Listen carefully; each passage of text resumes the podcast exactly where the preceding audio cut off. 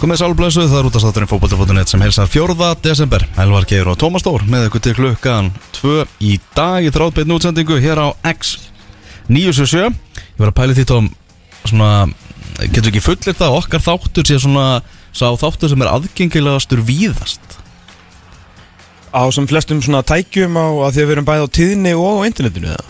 Við erum sko í beinni tí- á, á tíðinni, í beinni á netinu Mhm. uh, upptaka á vísi, upptaka á fókbalta.net Mm -hmm. öllum hlaðvarpsveitum, Spotify. Sannarlega þáttur þjóðarinnar. Já, hérna Spotify uh, mjög vaksandi þegar kemur að, að podcastlustun Ég heldur betur, en það hafa er ekki sett nema nokkur hundruð miljónir dollara, reyndar ekki til okkar.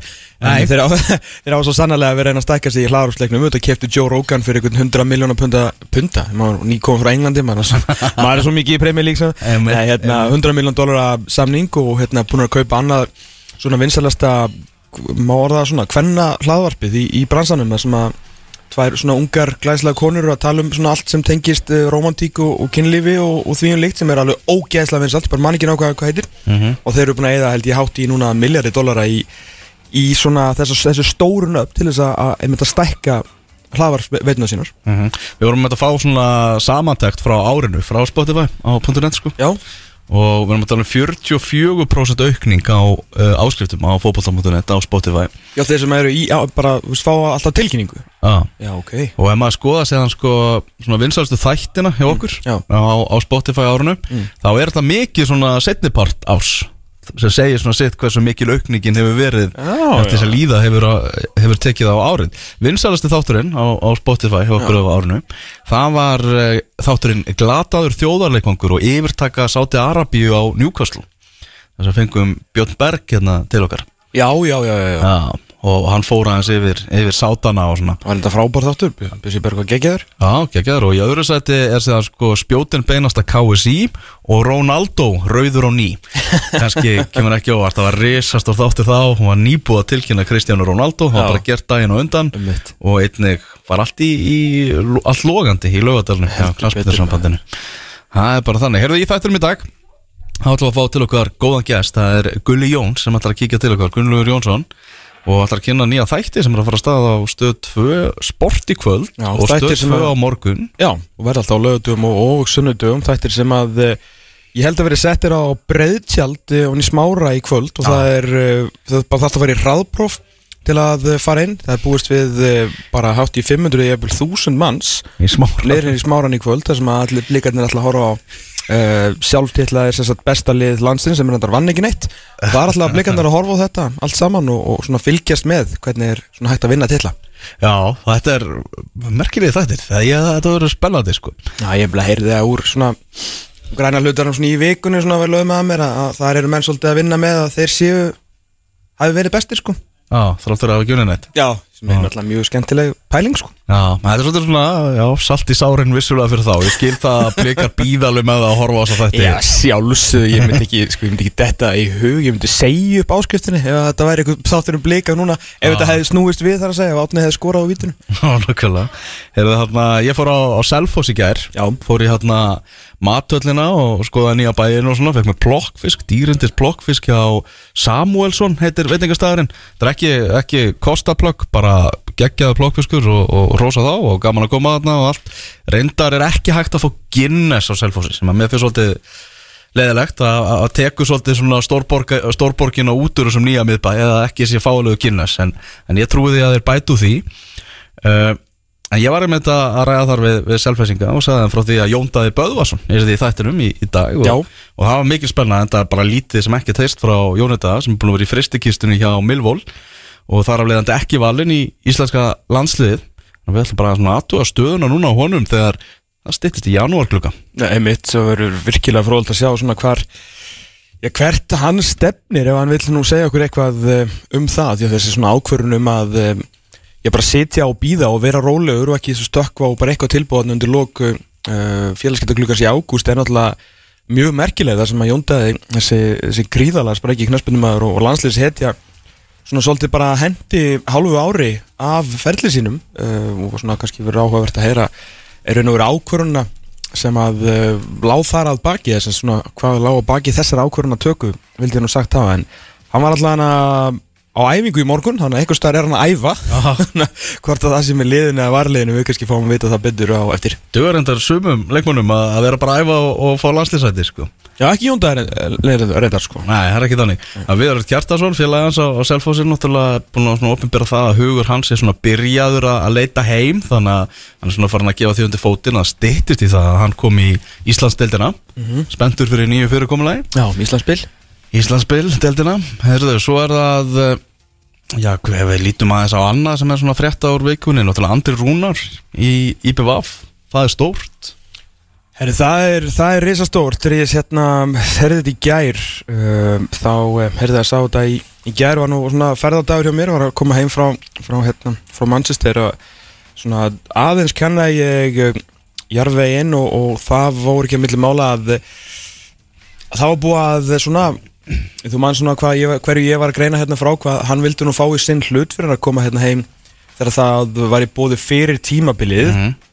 Og uh, enginn sem að vildi og verið taka þátt í því en það svona, maður skildi alveg pælinguna og átti svona vantilega að reyna að, hjólónum hérna inn á, á svakalegum samningi byggt á svona árangri fyrri, fyrri ára og þessu sögulega og ævintýrlega markameti sem hann jafnaði hér, hér um árið. Og þetta frábær leikmaður á þeim tímapunkti og er alltaf búin að vera svolítið mikið meittur og ekki, ekki spilað mikið en oft náttúrulega hafa íslensk lið verið að taka svona þessar stjórnur aftur heim fyrir, fyrir rosalega mikinn pening kannski óháð því hvernig þeir hafa verið að spila akkurat þá. Hlutin er ekki að ganga upp hjá honum hjá Esbjörg Nei, en uh, hérna, það sem ég svona náði að komast að það var búið að lækka hann hérna fær auðvitað sæmilega og, og rúmlega það vel greitt fyrir, fyrir sína þjónustöðundan og þá var hann það bara vel uh, skilið. En þetta var svona þau lið sem að voru svona höfðu tækifæri til þess að fá hann þau hérna, það var svona að búið slá af slá af kröfum og, og svona hafa bara talin vera á bara mjög sanngjötnum díl á, á núna skiljum, færu þetta eins og segja aftur, vel greitt fyrir sín störf en er á, á sanngjötnum svo sanngjötnum díl. Og sanngjarnari kannski með við hvað svona var í, í pípunum hér í vor. Já, kemur mjög óvart samt svona nýliðarnir að eigandinn sé að fá hann bara til vestmanneja skilur þennan gauð sem er að koma beint úr atvinnum en sko eins og segir, jafnaði markametið á sínu tíma. Því að venjulega ef þú getur skorað fótboltamörk þá er bara reynilega slegist um þig sko. Já, en náttúrulega menn eru kannski aðeins farnar að hugsa meira um, um hvað þeir eru að fá. Hann náttúrulega hefur verið meittur, hefur lítið verið að spila. Hann hefur uh, sjálfur bara sagt sögur af því að hérna, hann var nú kannski ekki duglegasti maður heims og kannski, menn veit ekkert hvert hann er komin núna og spurning hvort að menn hafi kynnt sér það eitthvað. Uh, maður efast ekki um að hann sé náttúrulega gríðalegur atvinnumæður eftir að fyrst, verið núna í atvinnumæður umhverfi en, en þessi, þessi meðsli og þessi peningur og meina, hvað erum við að tala um? Meina, blikarnir blikarnir, uh, ég held að hann sé ekki leikmaður fyrir Óskar Rapp mm. uh, Vikingar eru náttúrulega með markaðasta leikmann deildarinnar og ef þeir ætla hann að fá sér eitthvað svona ofursendir sem er kannski mögulega eitthvað tæpur á meðslum þá held ég að Kolbjörn Sigþórsson ef að það er möguleiki sé þó kannski frekar þú kannski setur peningin frekar þangað sko mm. valsmenn með Patrik Pedersen hann að, þú veist, F-fáingar uh, sumulegið með Matta Villa þannig að ég, ég skil alveg að hann hafi svona og síðan þú ert komið niður fyrir þessi lið sem eigi kannski svona einhverja peninga þá þarf þetta að stökku um nokkur sæti þar sem að hann er kannski aðeins of dýr fyrir svona miðbyggsliðin en síðan náttúrulega eru þarna svolítið óvanalegi nýlega niðri því að það er náttúrulega alltaf til sandur á seðlum í Vestmannum sko. Við sér það þegar að koma upp sem nýliðar í deildinni. Þau eru með Eiðarón, þau eru með Gauja Lýðis og þau eru með Andarón Bjarnason. Þetta er bara þrjú að stærstu nöfnunum í deildinni. Já, já, alveg svakalega, stert tryggjast ekki núna og maður vona svo sannarlega því að eh, fyrir utan hvað hann er bara skemmtilegu leikmaður þegar hann er upp á sitt besta hann er svo stór og sterkur og fljótur og veist, getur skorað, skalla, tekur vítin og bara einlægur gæi, skemmtilegur í viðtölum veist, með skemmtilega sögu veist, margir sem að kunna söguna og ég fræga viðtalina við Jörund Áka þegar hann var alveg, sko, hann gati ekki einu svona samklast honum. Mástu hérna á sumarið sem hann hérna var að slá markametið því að hann var svo pyrraður að hann ekki gert það fyrr þegar Jöri var, var að þjálfa hana ekki svona fyrr. Já, var svolítið að haugast á Ísafirði. var svolítið að haugast í Ísafirði og náttúrulega annað sem er í þessu að hann er náttúrulega, það er ekki eins og hann sé ættaður bara úr Vesturbænum. Hann er bara úr Bólungavík og bara spilaði lengi heima fyrir þannig að það verður ekkert mál fyrir hann að aðlegast svona smábæjar stórborgar lífinu í, í Vestmannum sko. Nei, það er alveg rétt sko. Hérna, en ég bara ánaði með þetta að veist, koma nú ansi vígalegir upp hérna, eigamennir með þessa þrjá sko. mm Það voru nú sögur um það að- að breyðablík var vist eitthvað allavega þefa af hannum, ég veit ekki hversu, hversu langt það fór. Þeir náttúrulega fengu hann að miðjumann frá Venezuela uh, um daginn Ég heyrði að það væri annar Suður-Amerikumæður að koma Nú verður að fara að koma Suður-Amerísku sóknarmæður Í blikana? Já, Já, ok þannig að þeir verða, verða vantilega þá tveir Suður-Amerikumennir hjá, hjá breyðabliki segja Er það ekki að rannsaka hvað er á baki það? Hver er að dæla þessu í þá? Ég, hver er að dæla þessu? svona, hver er tengingin? Af hverju er allt í Suður Amerikumenn? Uh, ég held þetta sé eitthvað, þú veist, í gegnum svona einhvern veginn sömu lúpu og, og leikni Suður-Amerikumennir sko. Já, manga og þeir. Já, Já, ok, ok. Og þetta er svona, þú veist, það er eitthvað aðeins verið að horfa til, til Íslands allavega hvað þetta var þar. Merkilegur hann að fyrirgæðin sem að koma að Venezuela maðurinn bara umfullunin í kringum hann. Þú veist, allir þessi viðtöl hann á Twitter og eitthvað gæi sem var að fylgjast með Venezuela deildinni með eitthvað, þú veist, ítalegt viðtölum var að fara og var eitthvað svona mest vaksandi leikmaður í deildinni þar sem hann var að spila og svo kemur hann til Íslands. Mm -hmm. Þú veist, að það er ekki eins og hann hafi verið eitthvað í meðslum eins og flesti sem er að koma eitthvað til Íslands Þú veist, hann er virkilega bara Þú veist, Evrópa að heilla á og virkilega búið að selja honum þetta verkefni og hann ríkala skemmtilega fótbolta sem að blikarnir spila en svona mjög áhvert og ég eitthvað segir mér að þessi gæi bara svona tilfinning að hann gæti verið eitthvað, eitthvað bull sko. Þú veist, þá er ég að meina á góða móta sko. Já, Já, það er eitthvað CV hans er ekkert eitthvað svona eitthvað yfirþyrmandi en, en það er eitthvað svona verið að reyna að selja manni það að blika sér búin að alveg rannsaka hann og máta hann í, í, í allt hvað var Já. það sína tölfræði og sína spilamennsku sko. Já, þú veist, Óskar er líka kaupmann sko, Já. þannig að það er ekki verið að setja hvað allir svona kosti, er eitthvað að vita hvort það geðveitt mikið eða hvort þetta getur bara svona verið veist, samning, að því að vantar ekki að kaupa neitt hvort þetta getur bara svona samningur ásins Já. Því, já, því ég varst um að sé eitthvað mega dýr sko. Nei, Nei, ég held ekki sko. Þannig bara, þú veist, ungur og hefur raun og verið ekkert gert en, en hérna, þetta verður mjög fróld að sjá mun krytta Íslandsspili svo sannarlega sko Já, nokkulega spurning hvernig svona Já, og eh, þeir eru náttúrulega búin að vera að sk- skima eftir sóknumanni og það er spurning hvort þessi að fara að taka annan Suður Amerikumann uh, Anna, aðra frétti frá Blikum að uh, Freysi, hann vildi fá Viktor Karl frá, frá Blikum. Ok, yfir til Lungby. En uh, þar við strandaði þetta einfallega bara því að Lungby er ekki með budget bara Freysi er ekki með budget til að til að kaupa hann frá, frá breyðabliki já, náttu ekki fyrir kaupverðinu þá. Já, og þá bara einfallega dói þetta sko. Það er bara þannig Það hefur ekki svona mikið budget svona halda aðeins að sér höndum eftir að liði fjall úr efstu deild Lungbymenn. Segir okkur samt svona eitthvað um, um það sem að Freys er að vinna með að þeir geta ekki keft leikmann frá Íslandi? Eða þá blikandi séu bara orðnir þreyttir á því að þeir kannski sjá heldur ekki Viktor Karl verið að taka fattur eitthvað svona næsta skref. Mögulega, ég veit ekki, ég myndi samt alveg halda að hann geti að sérstaklega hann færi undir handlisti Freysa og fengi spila hann í dönsku bjöldildinni en þú veist, þeir eru hafa verið að selja þessu ungu stráka hafa verið að fara fyrir lítið og svo hafa verið að fá prósund á næstu sölu sem er náttúrulega mjög sniðut þar sem að margir af þessum strákum er að taka annars skref. En vantilega hafa viljað fá svolítinn pening fyrir Viktor Karl því að þú leysir ekkit Viktor Karl eina svona af bara að þú farið eitthvað neklálega þannig að uh, þá kannski skilum maður að þeir hafa ekki uh, átt, átt fyrir honum en, en aftur á móti eins og ég segi það segir okkur líka svolítið hvað uh, hvað Já, breyðablika alltaf sér náttúrulega bara Íslandsmeistara titilinn og ekkert annað í, í sumar þannig að þeir eru og ekkert þá að er ekki bóði að uh, selja Viktor Karl Einarsson fyrir einhverja netur sko. Já, okkur útsölu verði sko. Herðu, já, Orri Hrafn, hann var loksins staðfestur í val, svona lítið meir um það að segja því að það hefur verið, verið í burðarliðnum og umræðinu ansi lengi, það kom bara svíin loksins. litla pressan á þann mæta svein Já, byrja að fullera það bara að þetta sé dýrasta salan innanlands og ég veit ekki hvað og hvað. Já, Bara hefur þetta heyrt þetta nokkru sinnum um hinn og þessar leikmenn. Já, vissulega, vissulega en ef, já, algjörlega, en þú veist, hvort sem ef hann er bara, ég meina, hvað er svona hátt kaupverði í, eins, í íslensku tildinni, 5 miljonir, Já. eða ekki bara hátt Já, bara nokkra miljónir er bara risa hátt Já. í miðað við markaðin á Íslandi, sko. segjum að sé bara einn af þessum sem að eh, er að fara norður af 5 miljonum, við talum ekki um við eitthvað norður af 6 eins og maður var eitthvað farin að, farin að heyra á hans, það hefur ekki hugmyndið það uh, Náttúrulega hrikalega ermilegur strákur, góður í fótbolta, svona einn af þessari nýju kynslu að fjall samt, sko Mhm. með, með fylki. Alveg rosalega much ado about nothing tímabil hjá hann um að mörguleiti sko, Já, já. en vissulega í alveg hörmulegu fótbolltaliði Mhm. um að bara, bara ekki neitt. Þannig að, og hann er sko við veitum, við höfum alveg séð að það er náttúrulega fleiri leikmenn sko, sem að fjallu sem eru komnir upp með þess að sko, Íslandsmeistararnir, Íslandsfyrkju, Íslands og byggameistararnir búin að taka líka leikmenn sem voru annarkvort í bjetildi eða falla.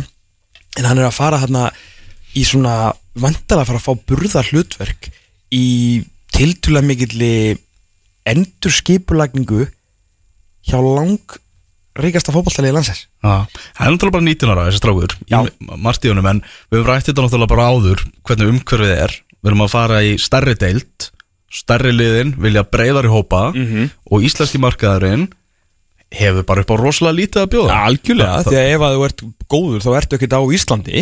Já, já, Þannig séð. Þannig að þú ert að sjá, þú veist, hann er að fá þetta tækifæri. Mm. Menna, Dagur Dan sem að fjall líka hann, fekk, hann, Annar þar, hann er komin í næstbesta lið. Ja, hann er komin í breyðablík Þannig að við sjáum kaupin sem að káringar gerðu og svona, Já. þú veist Svona, vöktu, vöktu áhuga. Þannig að þetta er svolítið svona aðeins öðruvís umhverfi núna heldur en, heldur en venjulega. Já, ekki, ekki spurning sko. Þú veist, En Dagur Dan alltaf bara svona flytur sig á, á milli og reyndar Byrjtins nær keftur og uh, svona að spurning hvað verður með, verður með valgir en eitthvað svona 19 ára hefur rosalega lítið sint okkur í raun og veru.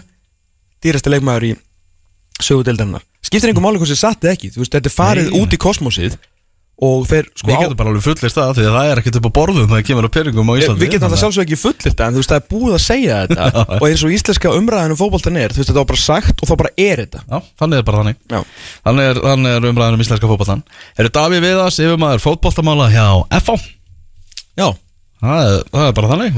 Tala- sem aðstofþjálfari og færður upp á skrifstofu. Já, mættir upp á skrifstofu Þannig að þetta er bara mjög svo spennandi. Þannig að þeir eru bræðurnir Þeir eru hann yfirmenn fótboltamála núna Arna Viðas hjá KSI og Davíð Viðas hjá, hjá FH Er Arnar Viðars en þá yfir magnarspunumála? Já, já, Hann er það? Hann er það. Það er, ok. það er bara ekkert búið að ráða í stöðuna. En var hann ekki hættur að sinna þessu hlutverki samt? Eða, Ég held að þetta væri bara dött Nei, nei, hann bara gerði það samhliða Þangað Já, til að ok. nýr aðilir þið fundin Og það er ekki búið að finna nýjan aðila En að mínum að þá liggur það beint við Borðleggjandi Óli Kristjáns hefur áhuga á starfinu Ég er sammála því, alveg hjartalega sammála því og Já. sérstaklega eftir að hann lísti nú yfir að hann er áhuga þá bara ringi mannin og græja þetta Já. bara eittur og bingo en líka með með fóliða, nú eru þeir, þú veist, konum með yfir magnarspunumála konum með Óla heim og Björsa skilu hann eru með bara svona alveg að pjúra þjálfara að þjálfa hana síðan eru þeir náttúrulega með þessa fótbolta hausa í kringum þetta eins og Jón Elling og, og Bjarta Þór og svona sem eru að reyna að finna leikmenn og laga, þú veist, að, að móta einhverja nýja stefnu að fá unga leikmenn til sín og sem náttúrulega fengur náttúrulega en Harald um daginn frá, frá fram og, og náttúrulega líka svo sem búin að fá kitta til þess að styrkja eins svona bara byrjunarliðin úr þegar.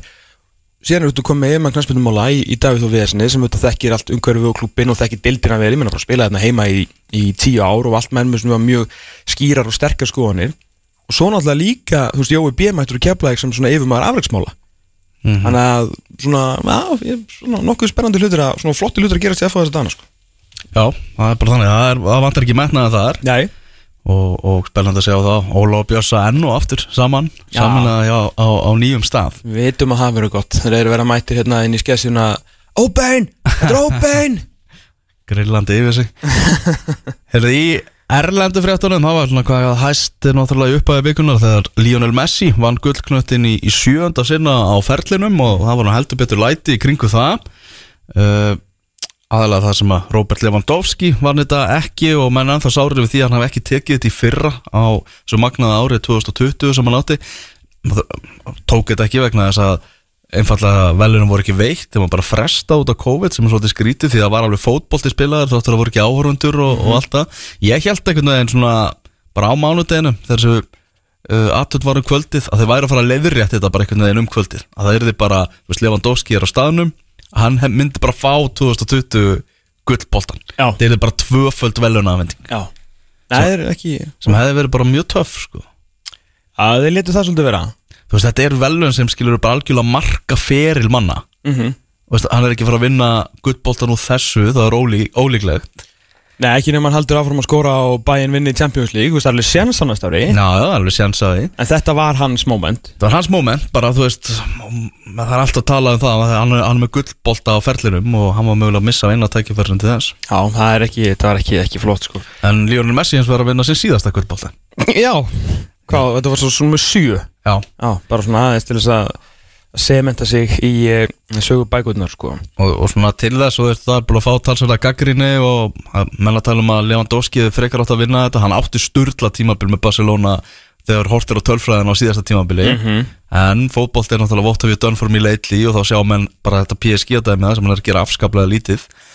Uh, vinnur Copa America svona, skrítið og sjoppuleg Copa America kjapni án áhorfenda og var ferðið eitthvað að milli landa og svona, það var svona, en það var tjastla saman en, en sigur, argentinum menn þeir spyr ekkert af því, þeir unnu þessa kjarni Já, já, algjörlega sko Þannig að, að ég þetta líka bara, þú veist, þegar Messi vann þetta var maður bara, já, ok, þú veist, hann á svo mikið inni hjá svo mörgum að það skilur það er svo margi, maður þarf svo miklu minna að gera sem má svo mikið gleyma því að lélega tímabili honum, hvað skora hann, 40 mörg eða eitthvað, eða líka eða eitthvað? Þú veist, bara hann er náttúrulega er okkur um allt öðrum stað heldur en, heldur en aðri í þessu gemi sko.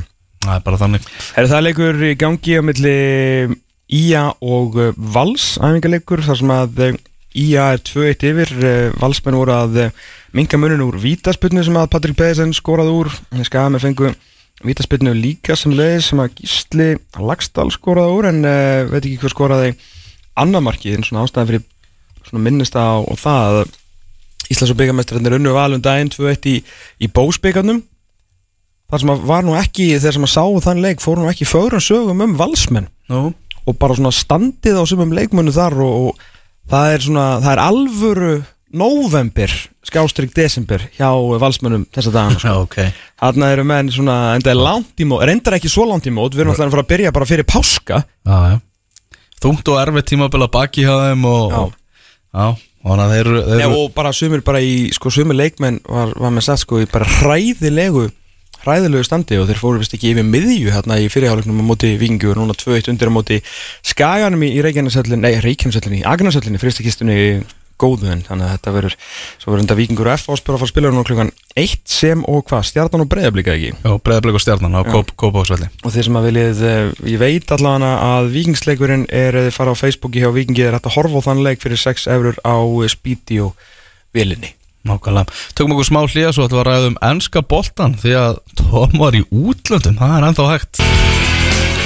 Það ætlum að vinda okkur yfir í ennska boltan, það er leikur að hefðast núna bara klukkan hálf eitt að við regn Vestham og Chelsea, þar sem að David Moyes er að fara að mæta Chelsea með fimmana vörn en eh, Chelsea heldur betur heppið að vinna Votford, Thomas Tuchel hann var alveg hreinskil með það. Það hefur bara verið heppnið sigur hjá þeim í, í vikunni og menn þurfti að gera talsveit betur en þetta.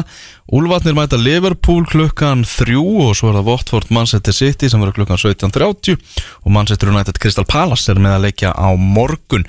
En uh, við ætlum að fara í smá ferðasögu Tom, þú varst uh, á Englandi hvorki meirinni minna skelltur upp í flugvel sem er nú bara ansið sjálfgeft nú til dags mm. nema menn farið til Tenerife það er það er hendur alls ekkert sjálfgjöf Já, alls ekki sjálfgeft Þeir eru þarna, þú skellti þér á, á tvo leiki og varst þarna á hliðalínu í báðum og heldur betur talaðir við, við stóra menn, stórnöfn í, bransanum mm Mhm. -hmm. Ef ekki bara byrja á Gútersson Park þar sem að Everton og Liverpool áttu stuð á þriðdæðin sko við erum eiginlega bara að byrja þetta í lefstu því að Ok. það er bara skrítið að fara til útlanda mm. ef, ef, ok, það er endur persónuleg skoðun en það er bara það er svo langt síðan síðast af því að sko frá meðal 2016 þegar ég svona svolítið byrjaði þú veist, að ferðast aftur og meðal hans út á vinnunu svo í enga lifinu þá var ég að fara út kannski svona tíu sinnum á árið eitthvað ég tók bara þetta var orðið algjör þvæg ég var bara alltaf í flugvél. Og þetta var orðið svona ég var náttúrulega svo samdöina þessu þetta var nánast eins og að fara bara í hérna bara í bílferð sko. Og þetta var ekkert mál sko, ég er, svona, ég er ekkert mikill svona flugtaks og lendingamæður, ég er ágætur bara í loftinu svo lengi sem að flugvélin er kurr en hérna, en ég á meiri segja svona hættur að kepa mér upp við þetta, ég hef búin að vera svo oft í flugvélin síðan fór ég síðast í februar 2020 og Chelsea Manchester United með smára í, á, á hérna móndasleik undir ljósunum. Síðan þá hef ég bara ekki varlega komið til Keflavíkur sko, hvað þá til hérna, til útlanda. Síðan er þetta alveg merkilega lítið mál. Maður þú veist fyllir bara út þetta hérna, allan til England sko, þú veist þetta passenger locator form og hérna er með bólusendingavottorið og allt er góð. Og þarf ekki að vera í PCR þú veist út að þú ert með bólusettur síðan þú veist kemur inn og svona stemningin er náttúrulega aðeins öðruvísi í leifstöð þar sem að náttúrulega eru miklu færi Ert þú búin að fara eitthvað nú á tímum COVID? Já, já, fór til Köpen Já, fórstu köpinn á þessum daginn sko. Þannig að svona meða við þegar maður var að ferða sér og var alltaf stappað í leifstöð sko og allra, þú veist, kvikinda líki sko og það var alltaf svona gaman. Að þá náttúrulega eru miklu, miklu færið aðna en svo er þetta náttúrulega eins og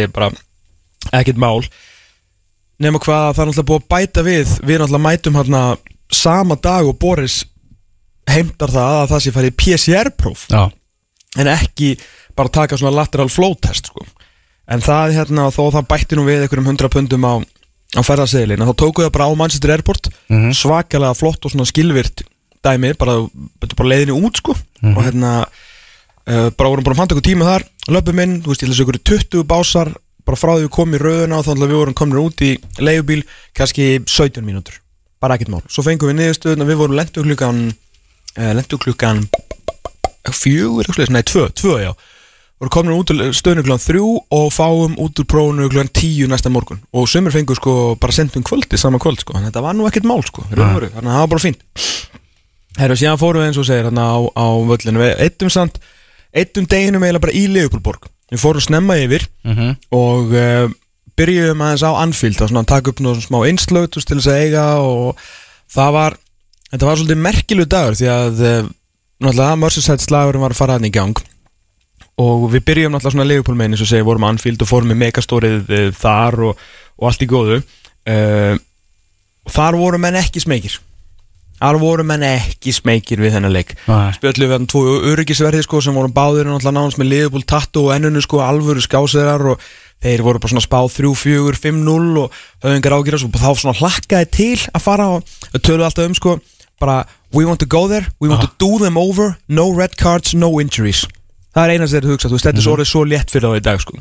Og ég mynd spurði hérna var að segja, og að því hann var að segja bara þetta er, ég sagði svona, hvort er United eða Everton stærri leikur fyrir ykkur? Hann bara, já, verður að segja United að þegar við fáum meiri leik út úr því? Já. en þú veist, Merseyside slagurinn er bara Merseyside slagurinn, ég bara, herru, Jörgen Kloppa nú að spila þetta niður um daginn. Hann eitthvað, herru vinnur, hann var bara að gera það fyrir fjölmjöluna, það sem hann segi við sína leikmenninni klefa, er bara að þetta er Merseyside, þið farað nút og klárið þetta sko, og ég bara, ok, ok hún er svo orðin spenntið fyrir þessu. Svo röldu við gegnum Stanley Park. Og nú, ég þetta var semst í fyrsta sinn sem ég upplifið að því ég er alltaf bara komið til Liverpool þar sem ég er bara lægt fyrir utan völlin klugan, þú veist, teimtum fyrir leikið eitthvað lappað inn á völlin og farið heim. Þannig að ég hef aldrei verið í Liverpool þannig að ég fekk þess að tækifæri til þess að vera þarna núna og tókum við svona smá einslag þar sem við vorum bara á Anfield röldum aðeins inn í Stanley Park og þá bara sérðu Goodison Park hinum einn þú veist, þetta er náttúrulega eins og þú sé á loftmyndunum það voru magnað að sjá þessan sjálfur sko. síðan röldum við bara í gegnum Stanley Park að svona, þú veist, kortes röldu eitthvað og þá eru bara mættir yfir í bláa hlutin og það var hérna, það var alveg stemning líka nema vorum að reyna að taka upp hérna kynninguna fyrir utan völlin Já. og mætti okkur fjórir gæjar út og voru að reyna hérna berja frikka og sigga tökumann bara fóru svona að byrja að taka í myndaðilina og voru að vona að þeir myndu veist, æsast upp og þá ætlaður að berja það sko. Nema að og siggi voru bara klárir og bara löpuði í burtu og bu- buðu ekki upp á neitt veginn sko. Svona alvöru dickhead svona tjalla bullur sko Leita að látum. Þeir voru bara að leita látum sko. Og hérna og bara, þeir voru hefnir að þeir bara hjóluðu ekki í fyrsta höggi að þetta var snýris bara um að búa til hérna vesen. En síðan hérna þegar við vorum komnir á, á Goodison og þetta svæði förum mjög snemma inn, við vorum komnir hérna löngu fyrir leik og ég og Bjarni tökum svona smá smá rölt þarna. Og þá var stemningin aðeins öðruvísi. Þegar við fórum áttum hérna gott samtal við hérna, einn öryggisvörðin hann langaði bara að fara heim. Allir, allir sem voru að vinna þarna sem við tölum við, þá langaði ekki að vera hana að þeir vissu bara að væri verið að fara að pakka þeim saman. Og þau voru ekkert að grínast, það var bara ég hef búin að vera hérna öryggisvörður í 20 ár sko, en ég væri bara, just, ég, og það sagði sko hann þessi öryggisvörður sem við tölum við hann er ekki mistað mörsinsaslag í 30 ár af því hann fer alltaf útileikin líka.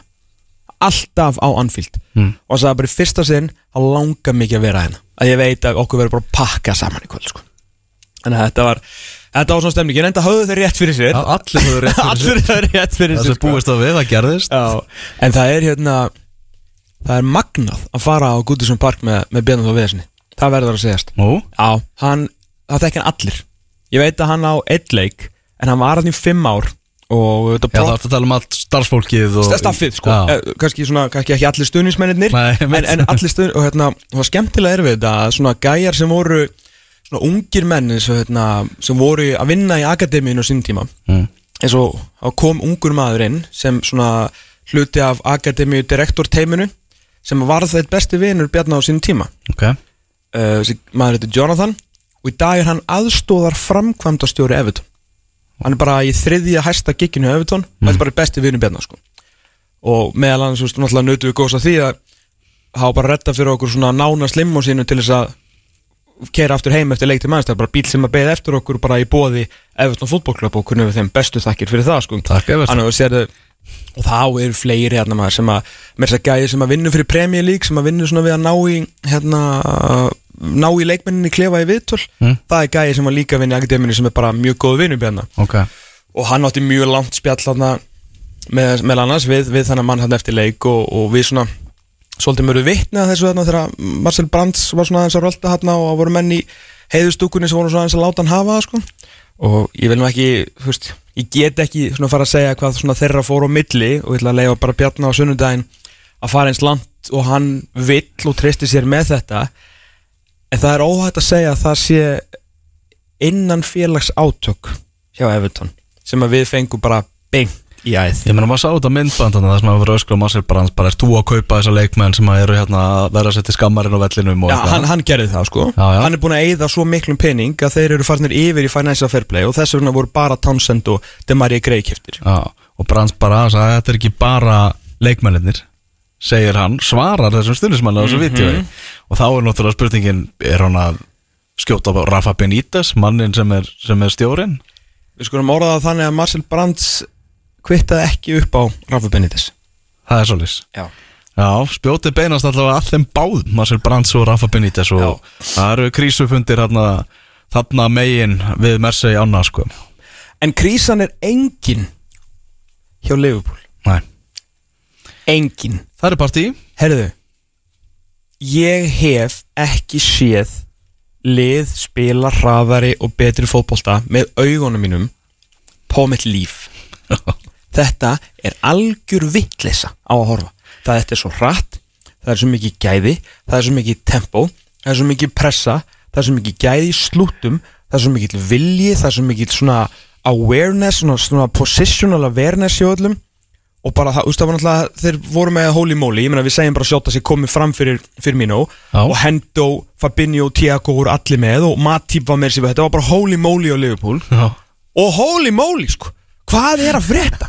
Herru, ef að Tiago og Fabinho voru einhvern veginn ekki alveg bara svona voru, kannski ég bara taka þátt í sókninu eða eitthvað, kom einhver setnibolti hendur svo mættur svo kom einhver svo sending út á kantinn Mhm. þá var eins og hendur svona að gefið á sjálfan sig því að hann var líka komið þar herru, sástu, sástu horfður á leikina Já. sástu þetta að henda og hendi í tvo kloppa líka Herri, já, já. aðeins bara svona til þess að nutta svolítið salt í sára það. ég er ekkert jókið, sko, ef það er eitthvað bras þá koma svona þá koma fjóri þrýðningar í röð kannski í hæra menn á vellinum þeir eru búin að lokka liðið yfir og svo trend bara bang yfir ég veit að þið sé alla þessa leifbúleiki en að horfa á þetta með augunum og leifbúlstundismenn ef þið er eitthvað, þú veist, smekir við COVID og ég veit ekki hvað, þú veist, það er ekkert mál að fara þarna út en ef þið vilja fara að sjá liðið eitthvað spila að ég fekk nefnilega að skila því að fólk náttúrulega sá að við vorum að það Já. þannig að ég fekk svona nokkuð skilabóð frá Íslendingum sem að eru, það er svo margir ógeðst að spennti fyrir Leopold Aston Villa, hann er mánundaginn 11. des Mm.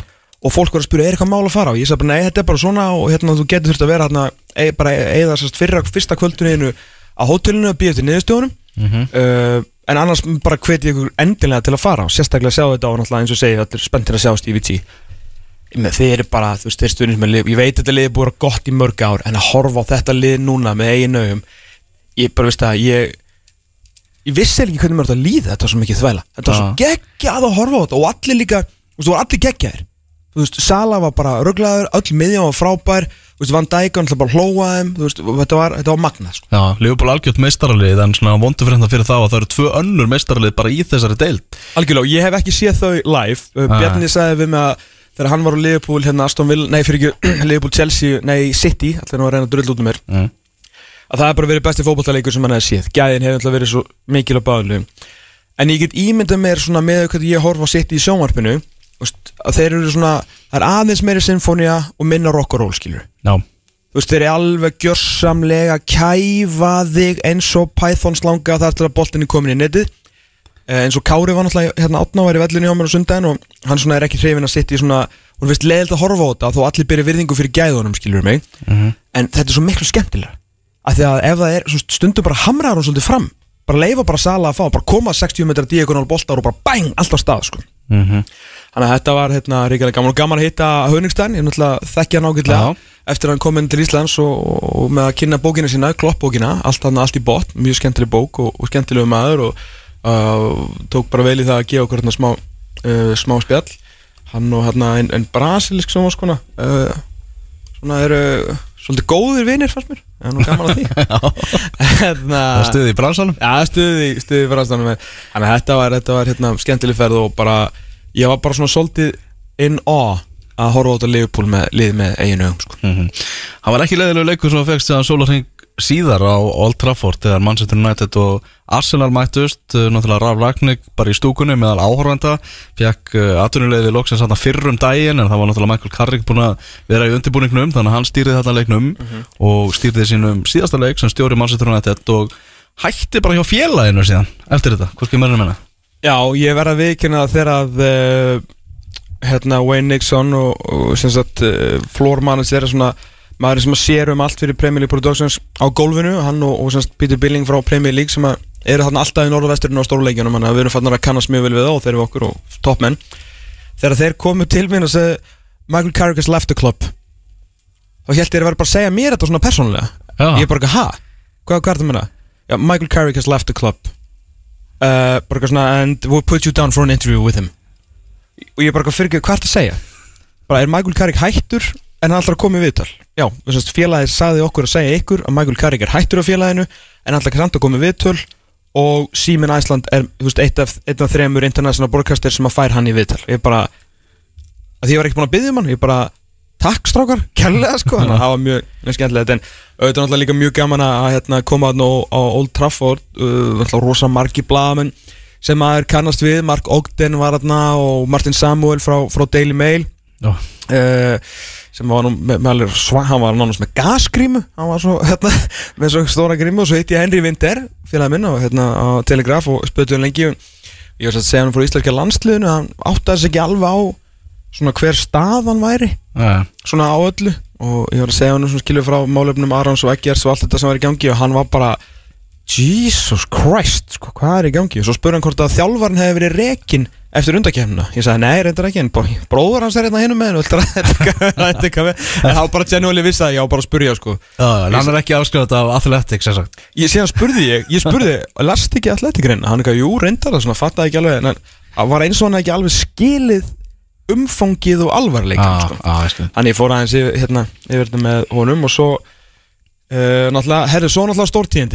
Mm. stórtíðindi því að uh, ég get alveg viðkjönd það að sem ungur markvörður í yngri flokku vikings á sínum tíma að uh, árið 1992 þá var ég að horfa á undanúslit og úslitaleikin á Európmestaramótinu í fótbolta mm -hmm. uh, heima hjá Bekki bróða mérum þá er þetta Kára Hólmari Ragnarssoni lektor við lög, lögfræðidelt Háskólans í Reykjavík og doktorsnema frá Harvard hann og Sölvi verið svolítið að keppa um svona hver náði lengst úr 84 árangunum hann í, í Breiðgerðarskóla Mhm. að hérna og þá sá ég markmann sem að heit hétt og heitir ennþá Pítur Smakkeil mm. Sem áttu nú reyndar ekki að vera á mótinu eins og danska lið bara í heilsinni vissulega, vissulega og, hérna, og það var ansi auðvelt svona fyrir uh, ungan og áhrifagendan uh, stráka að vera svolítið svolítið uh, uppnuminn af, af þessum ágæta manni sem að sá síðan svona kannski mögulega einu svona viku einu svona mánuði síðan í, í Premier League þegar það var sýnt á Rúf og eitthvað.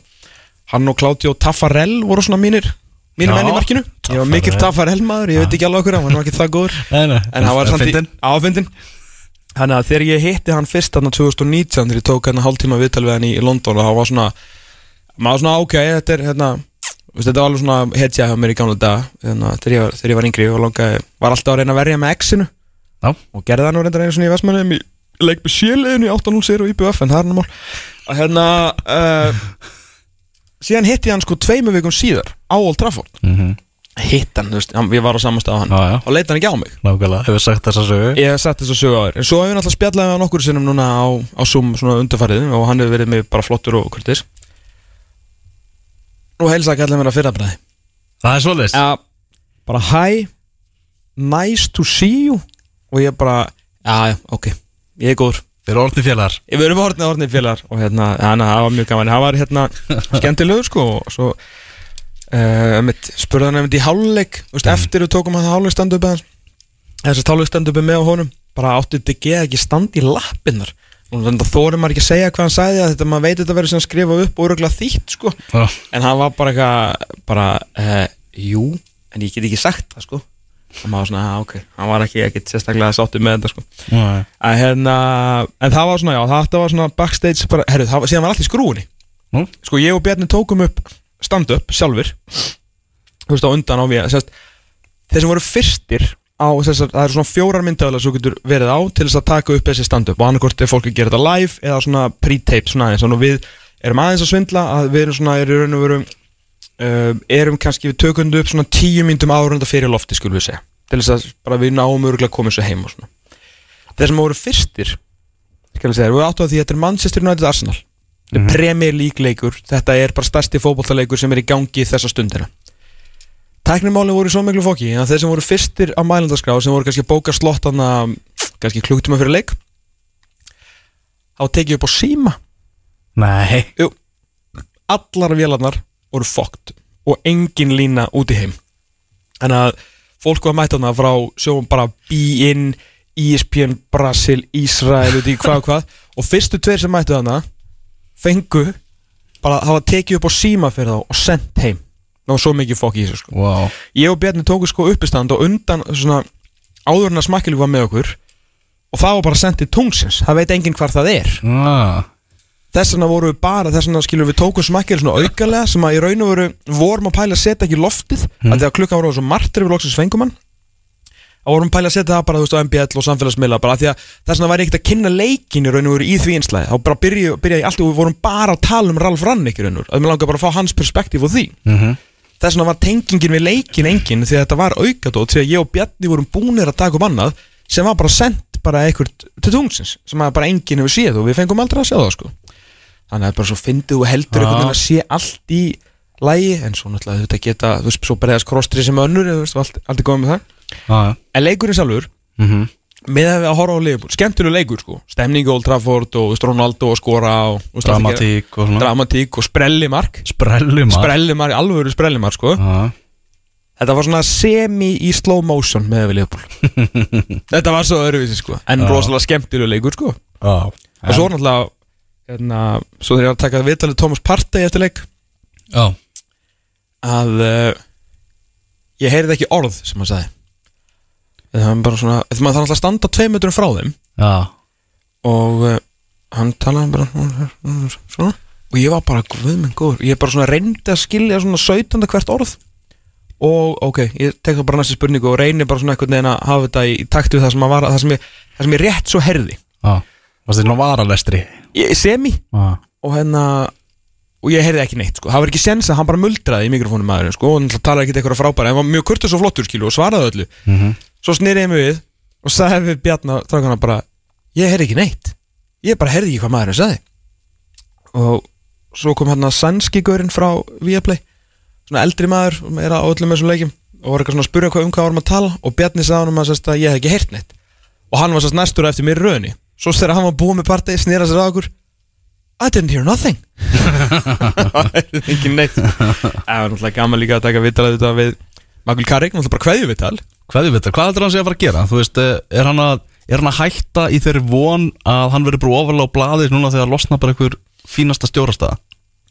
Nei Nei Ég held að sé bara hætta alveg, Billy Ég veit ekki, heldur hann, ég held hann hafi ekki Þú voru alltaf miklar einhver svona manager aspirationur Ég held hann alveg til í að vera starf svona En maður hugsaði samt einhvern veginn, skilur þú veist, Rarr Ragník að koma, búið að tala rosa mikið um það, hversu mikið svona mentor hann er og búið til hitt og þetta. Já, Þú veist, að Michael, maður held bara að þetta væri, skilur algjör gósen tíð fyrir Michael Carrick að stíga næsta skrifa sínu þjálfaraferli og læra bara helling á honum. já, En hann bara ákveða hver á braut og var í faðum fjölskyldunar. já En það stóð sér vel þess að þrjá leiki.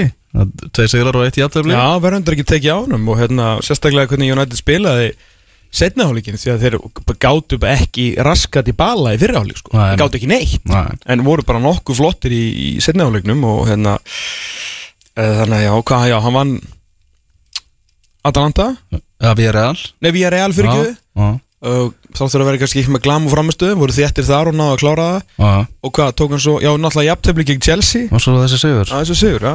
Já, Ralf Vagník var á fréttamannafundur náttúrulega í gær, hann var hálftíma fréttamannafundur. Uh, talaði reybrennandi ennsku, tölum við það bara uh, hérna, ennsku blaðmælinir að það er bara flottur orðaforði og gott flæði á fundunum Mhm. Um, Ímislegt svona áhugavert sem að hann sagði þar uh, meðal annars, útiloka það ekki að verða stjóri Manchester United til frambúðar. Sagði bara þegar United hefði haft samband við sig þá var bara þetta það sem þeir buðu og það er ekki búið að ræða neitt annað. Og hann svona gaf því út í fótina, hann var alveg tilbúin að ræða að vera lengur í, í stjórastólu Ég- Það var bara eitt af það fyrsta sem að Peter Smackill sagði við okkur bara, þú veist, ef hann vinnur náðast alla leiki þá verður hann bara áfram þjálfari þá þarf ekkert að finna nýjan. Nei, nákvæmlega. Uh, Hann náttúrulega talaði um Michael Carrick og hann reyndi að tala Carrick af því að hætta Vildi hafa Já, hann ég veit, Með hérna, ég held nefnilega þegar okkur var tilkynnt eftir leik að hann hefði reykja, hann bara hefði enga trú á hann sem þjálfari og væri of nálægt þessu að þetta teimi þarna Carrick, Fletcher og hann vara Philip Neville hann að Kira McKenna Já, þeir eru ekkit eðlilega ósamfærandi sko, mhm. Hann á hliðlinn Já, þess að Tryggvipáll er búin að tala um það er ekki bara, svona gaggrinu ekki bara verið ólíkur og solskjær heldur einhvern veginn allt teimið mann telja teimið sé ekki bara nægilega gott. Nei, ég veit ekki hvað sást mikið í útsendingunni en það var hérna 20 Legend bannerinn var alveg látin fara hérna um alla stúkuna. Jú, þeir sungu Jórmar Solskjær rétt fyrir leik alveg hástöfum og svo þeirra liðilega bá inn og vera að syngja ole, ole, ole sko. þannig að það er engin þarna sko, eitthvað reyður út í ólíkunar menn bara áttu þess að því að hann var bara komin á endastöð Mhm. en það er mikið þakklæti sér maður fyrir það sem hann hefur gert. Einmitt það áhugaverðasta sem ég fannst eila á þessum fundi hjá Rall Ragník í gær Já, símtalið. var spjallið Já, 90 mínútur svona rúma 90, hátti í tveir Samsæði, já, tímar. Tveir tímar, já. Já, það sem að hann rætti við Rall Ragník og Óli Gunnar Solskjær spjölluðu saman og, og Óli Gunnar gaf honum bara sína insýn inn í leikmannahópin og allt hann bara allt sem Ragník vildi fá að vita gæti hann bara spurt Óli Gunnar Solskjær út í. Þannig að þetta sér maður ekki oft þegar knastmyndustjórar reknir að þeir eru bara á trúnói með nýja stjóranum korteri setna sko. Nei, ég held um líka sjaldan séð knaspunnstjóra að fara að gráta þegar hann var reygin eins og Óli Gunnar hérna í eða þegar hann beigði af, skulum við segja undir lók vittalsins hérna, sem hann fór í daginn eftir hann var, eða samdagur seldi Já, sem, hérna, sem hann var tekið upp af MUTV sko. Það var einhver gaggrinni að þeir voru að draga hann í viðtal en það var hans vilji að fara sjálfur í þetta viðtal. Vildi náttúrulega kveðja Já, einmitt, einmitt. Þetta er svona, þetta er öðruvísi stjóra viðskilnaður heldur en oftast áður. Á, algjörlega. Þetta, þetta verður mjög áverk hvað gerist núna í framhaldinu og alltaf United Crystal Palace þannig að það er skamt stóra hugg á horfug á milli og ég mani ekki hver bent á þann daginn hvort það var ykkur þjálfa, annar þjálfari eða ykkur sérfræðingur að hvort það var það kannski bara klopp eða ekki sem að sagði að hann, þeir, hann og Tökkel og Nagelsmann og félagar kunna auðvitað uh, mikið að meta með Ralf Rannig en Ralf Rannig náttúrulega fær ekki tækifæri til þess að þjálfa henni einustu æfingu núna bara fyrir henni eftir annan janúar. Hann var teka við í jólatörðinni tekur við í jólaturninni. Svo Klopp sagði að hann fengi ekki eina æfingu fyrir næsta sumar. Uh, sem er svona, þú veist, það er ekkit það mikið bull, skilur en það koma náttúrulega, nei, það, þeir alltaf ekki svona frí þeir eru náttúrulega í byggarnu líka. Ég var bara rugglast að það kemur sko smá pása þarna út af sem spremi lík pása í janúar, þú veist, tvær helgar út af byggarnum Mhm. en United er í byggarnum þannig að það er ekki eins og hann fá okkur mikinn tíma til þess að, að þjálfa þetta lið en Já. ég var svona að spurja hans Bjarnar bara svona okkar á milli, hvað heldur að hann myndi gera og svona hvað hann myndi gera og svona, reyna að fá hann kannski til að útskýra líka sunda að hann sér bara fram á að þetta verður bara geðið mikið svona einstaklings bara svona maður og mann reyna út veist, að hann- hann getur ekkert verið bara einhverjum endalusum einhverjum pressudrillum þegar er leikur daginn eftir Nei þannig að þetta verður mjög áhugavert að mjög áhugavert að sjá hvað þetta verður að segja sko. Heyrðu, Tjallinn mm? Heru, hann er bara maffaður kvöld eftir kvöld þó þessi bara með vika Já, já, það er bara þannig. Hvað er að frétta? Þetta er bara alla daga Heyrðu, bara við kom- ef, Eftir vinnu þá farið þau bjóður Nei, ég er að tala um það var bara djam í Manchester sko. Já, við fórum, og náttúrulega vorum komin mjög sent heim hann þannig að við fórum á, upp á hótel og röldu síðan á McDonalds þannig rétt hjá okkur, rétt hjá hótelinu. Mm. á McDonalds klukkan 12 eða hálf 12 eða eitthvað á nóttina það var bara sko fólk var gjössanlega út úr því.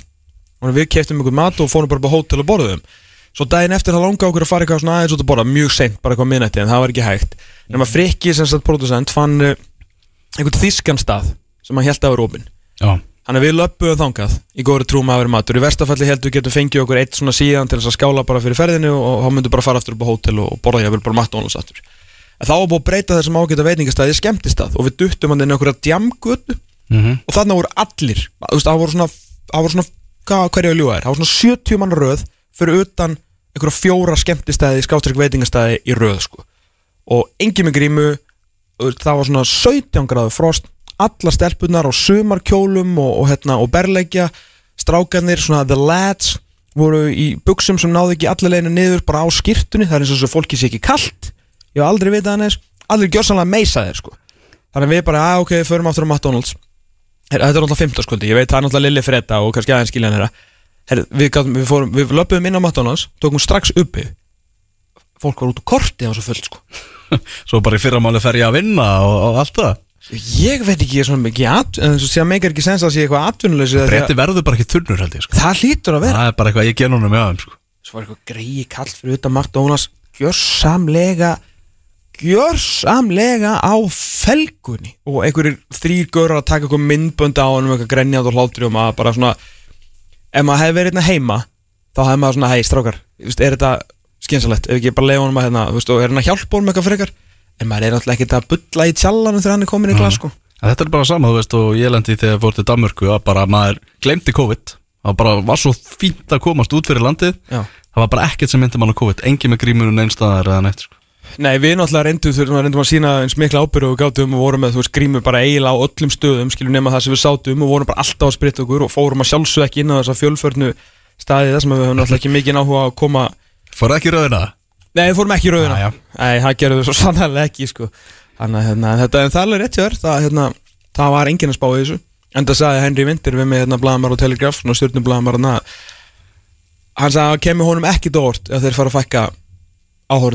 í Premier League brálega en ég vona hann hafi ránt fyrir sér en, hérna, en svona með hvernig þetta er á leiðinu upp og sérstaklega út á Omnikrona þjóðverðinu byrjar á því sko. Já, þeir eru byrjar á þessu Bæjarlandið, þá er bara búið, verður skellt í lás eða ekki Bæjar Barcelona núna í, í vikunni sko. Já það, ég veit í, me- Þetta er svakalega leik sem að framöndan er í meistaradeildinni. Það er náttúrulega lokaðum fyrir í, í riðlunum Já, Herðu, við ætlum að taka úr smá auðlýsingarlega Svo rétt á eftir, þá er það engin annar heldur en Jón Daði Böðvarsson Við ætlum að heyra í honum Komið tíminn til að heyra hvað er að frétta af Jóni Daða Það verður jólastemning í IKEA um helgina. Frá klukkan 13 til 17 bjóðum við upp á smakk á sætu jólaglöggi sem illjar þér um hjartarætur. Við tökum vel á móti þér. IKEA.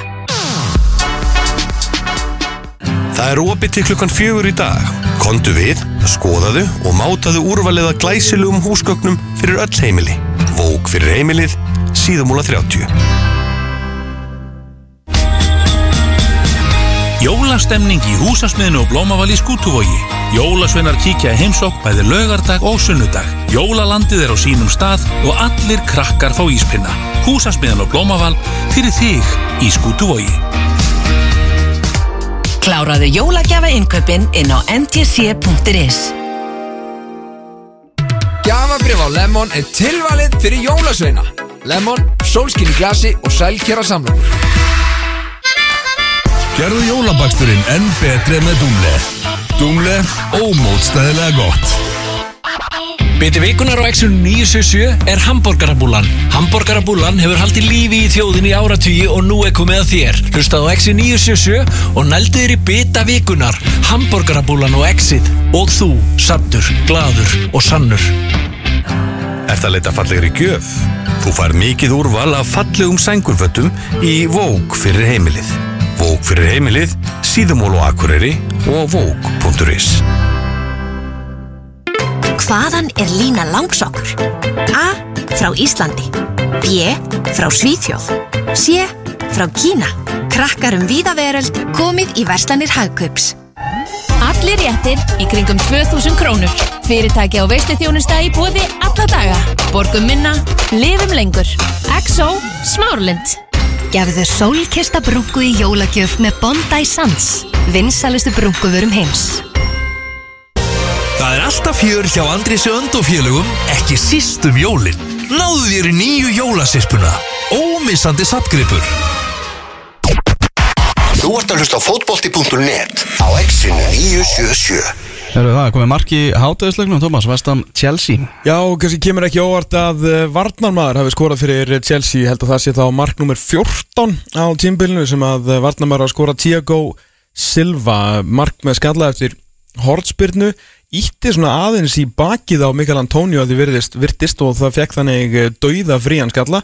En Mikael Antonio er svo mikið uh, kefnismæður og veit að hann hérna, sjálfur er mikið að vinna með það að svona íta mönnum til og frá að hann kvartaði ekki einu svoni það er kannski verið svolítið sniðið tjánum að uh, búa til aðeins meira lætur þessu en skiptir ekki mála að Chelsea er komið yfir í Lundon og slagnum sem er í beinuðsningu núna í hátuðinu á, á Siemens Sport. Þannig við ætlum að fara að ringja núna í Jón Daða Böðvarsson, hvorki meira en minna ringja til Milvól Já, ja, til Lundona Já, til Lunduna Halló, Já, Jón Dæði, stæðlu og blessaður. Blessaður. Herðu, hvað, hvað segja manni í Lundonum í dag? Eh, Þeir eru ágætið bara. Er það ekki? Ágætið Jú, jú, jú Herru, hérna, við ætlum nú bara að ringja eins og uh, að svona aðtuga stöðuna á þér alltaf, mikið svona nafnið kemur alltaf upp í umræðinu þegar að vera að velja svona landslýshópa en þú náttúrulega hefur rosalega svona við lítið verið að spila og ég held að kannski bara fyrsta og stóra spurningin er hver er svona, hvað er búið að vera svona verið í gangi núna síðustu, síðustu vikur og, og mánuði? Já, þetta er- nú bara ekkit flókið er bara ég er ekki búin að vera í hóp uh, þetta sísonið, bara yfir höfuð Mm. Og ég er bara alls, alls bara ekkert nálægt í að vera einhvern veginn inn í myndinni. Og það er bara eitthvað sem ég fekk að vita þegar undirbúinustímabilið var hálnað og ég, na, ég er búin að vera að reyna að bara koma mér í burtu ef ég var að segja þess að það í nýjan klúb en það gekk ekki í síðasta glukka þannig að já, maður er ennþá maður er, er ennþá alveg viðraðin aðliðin og æfa á fullu sko en, en maður er ekki að spila leiki og, og, og þetta er mjög skrítið og humlegileg stað að vera í. Þetta er svona þetta er bara eiginlega næstu eins og að vera atvinnulus í atvinnu orðaði hann Já, nákvæmlega, þetta er ansið þungt að mæta bara æfingasöðu á hverjum einasta degi og vita það að sama hvað þú gerir, þú verður nærða ekki að vinna það inn í myndina.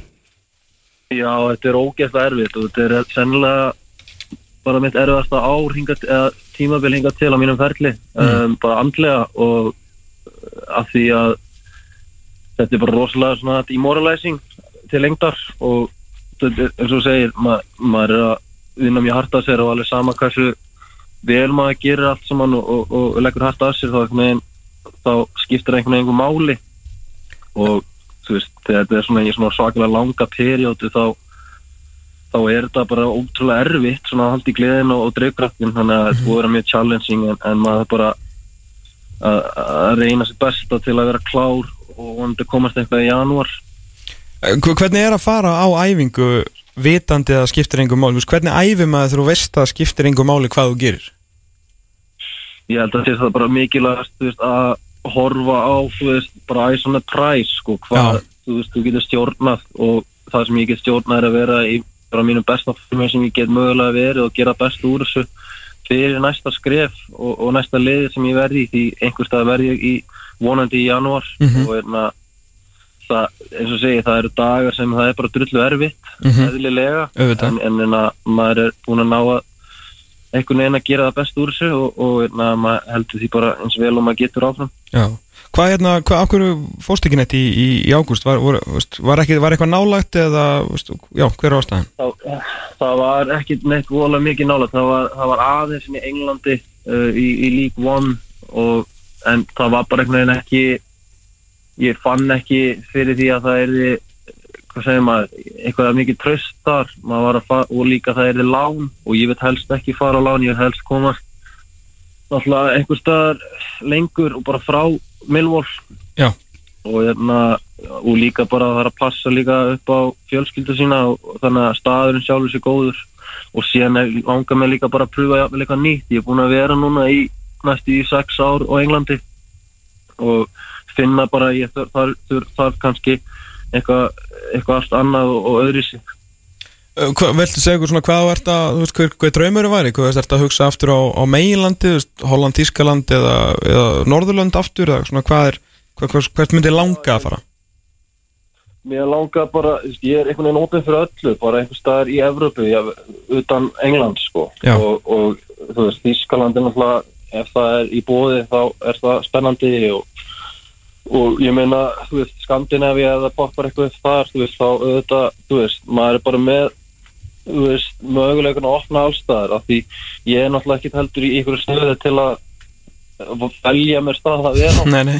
það er bara að koma í ljós hvar þú veist áhugin verður og maður skor það bara vel og vandlega að kemur að því að því þannig að eins og staðan, staðan er ekkit ákjónsanlega þegar maður að því lið horfa náttúrulega á hvort þú setja að spila leiki og, og, og, og svona og maður er ekkit að því þannig að þá er þetta hlaðins erfiðar en venjulega eðlilega já, emitt, emitt. En, en er eitthvað í pípunum núna, er eitthvað, er eitthvað, eitthvað þreifingar í gangi eða?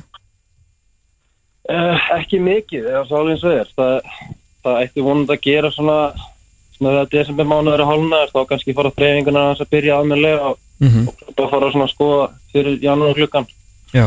um, og það er svona eina, þú veist, umbóðsmaðurinn minn, hann, hann heyri bara í mig þegar er virkilega eitthvað, þú veist, veist, líklegt eða konkrít, sko, hann er ekkit eitthvað að kom, að koma með einhverjum hugmyndum sem er ekkit endilega sannar eða, eða 100% sko. Nei, nei.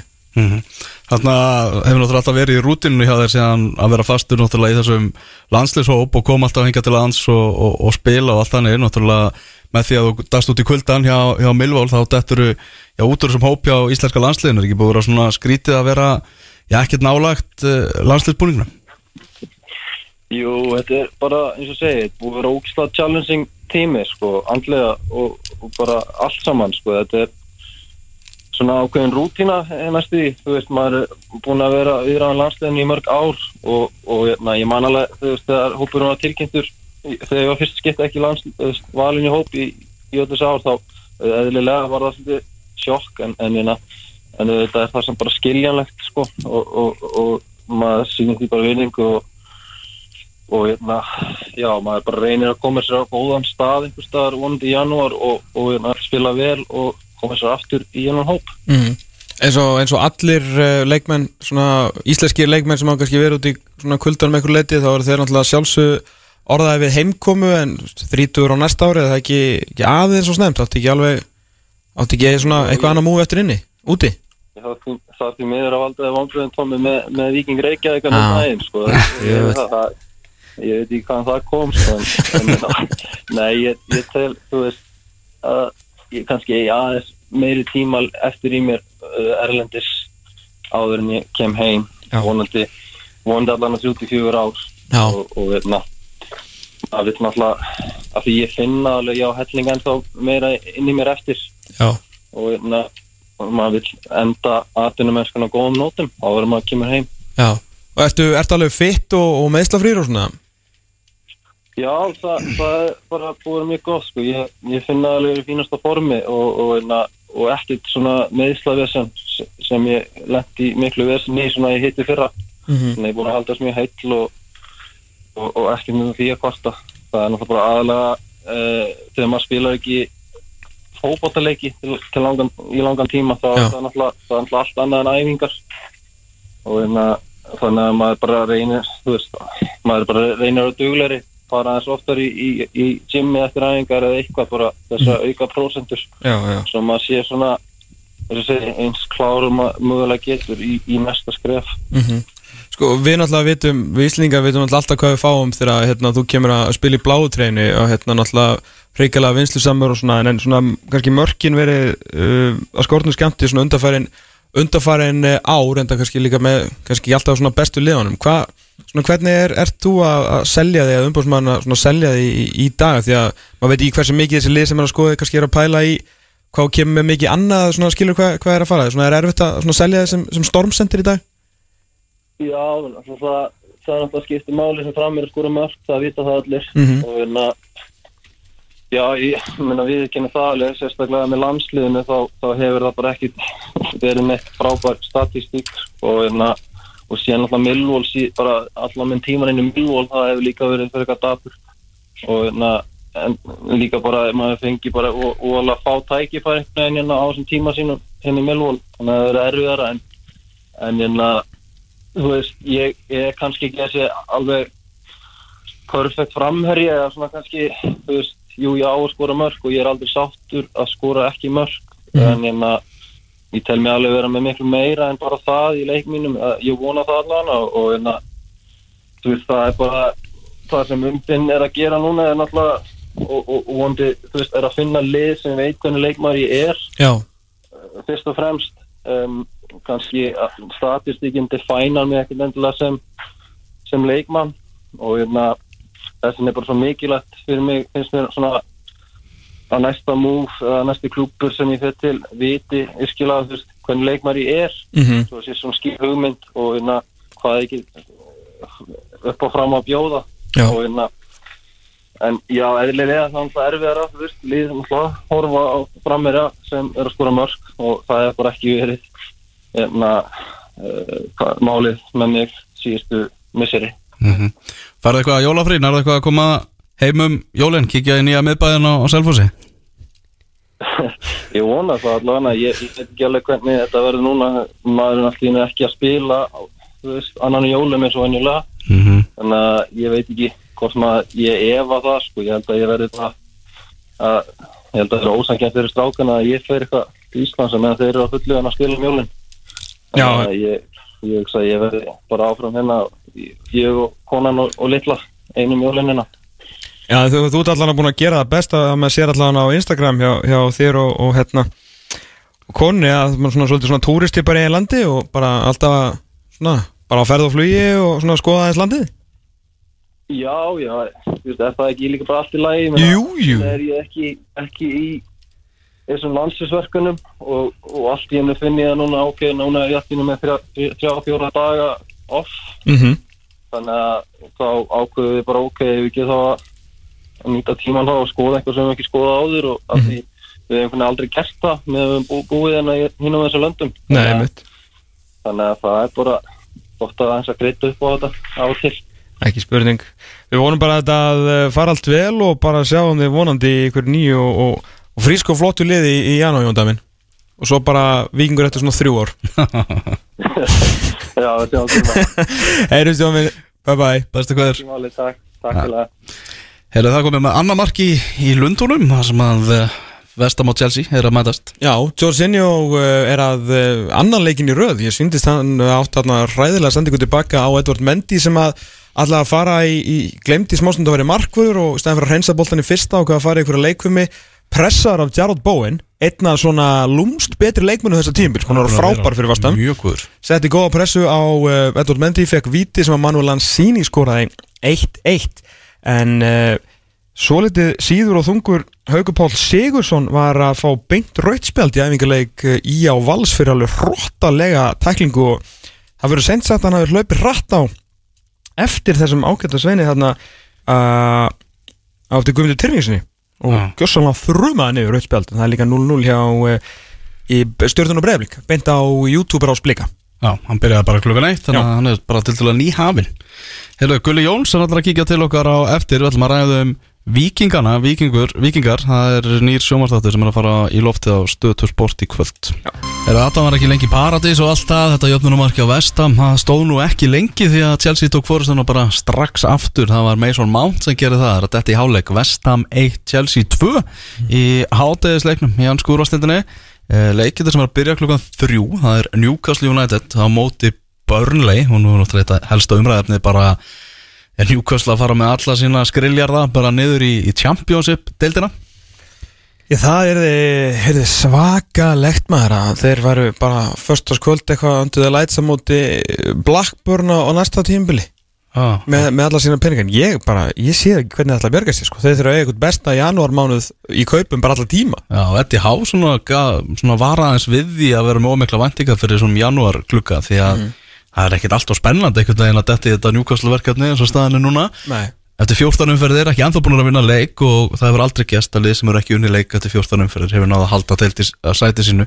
í ennsku úrvastildinni En eitt sem við heyrðum um þetta á Gundarsson Park frá alvöru Insiders er að eh, hérna, til þess að blanda því aftur og þessari ferðinni það hérna, að það er ekki það kæmi engum á óvart skulum við orða ef að Rafa Benítez verður látin fara frá Everton, ef það gerist og að Mosíri hafi nú reyndar líst yfir stuðningi við hann hérna daginn eftir eftir tabi gegn uh, Liverpool að það myndi ekki koma neinum óvart ef Eddie Howe er látin fara strax og þeir myndi kipa Rafa aftur inn til Núsl að því að uh, hann er í, er í miklu metum hann er í gríðarlega miklu metum í Newcastle og á eina ástafunum fyrir auðvitað það að náttúrulega sko rússarnir sem að eiga hlutarni þetta eru miklir Rafa Benítez menn að uh, það náttúrulega má ekki gleyma að hann fór úr ennsku úrvastildinni með mjög gott rep því hann var með sjötta besta árangurinn í setni umferðinni með Newcastle og enda mm náttúrulega 11. sætið þannig að hann fór á svolítið hæ en síðan náttúrulega bara henda sér yfir hérna í peningana í Kína og þeir elska hann upp í norðinu og hann þekkir líka eigundunar þar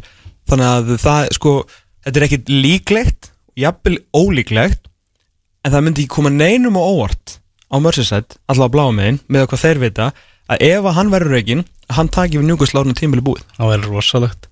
Herru, við erum að tala um, já, Newcastle Burnley, Southampton, Brighton, Úlfarnir mæta Liverpool og svo er það eh, Watford á móti Manchester City sem er svona síðdeis kvöldleikurinn, þannig liggur dagurinn í ennsku úrvastildinni en uh, við höfum fengið hérna gest í, í stúdíu, eða ekki bara opna fyrir mikrofónin, Gulli? Ég held það, bara skelltu að headphone gulli minn og uh, verður velkomin Já, stiltu bara mikrofónunum upp og mjög gott, Gunnlegu Jónsson er mættur hérna til okkar, gestu þáttarins Helgur og Sættingur minn, hvað segir þau? Ég er bara góður, góður. er fyrringur í mönnum eða?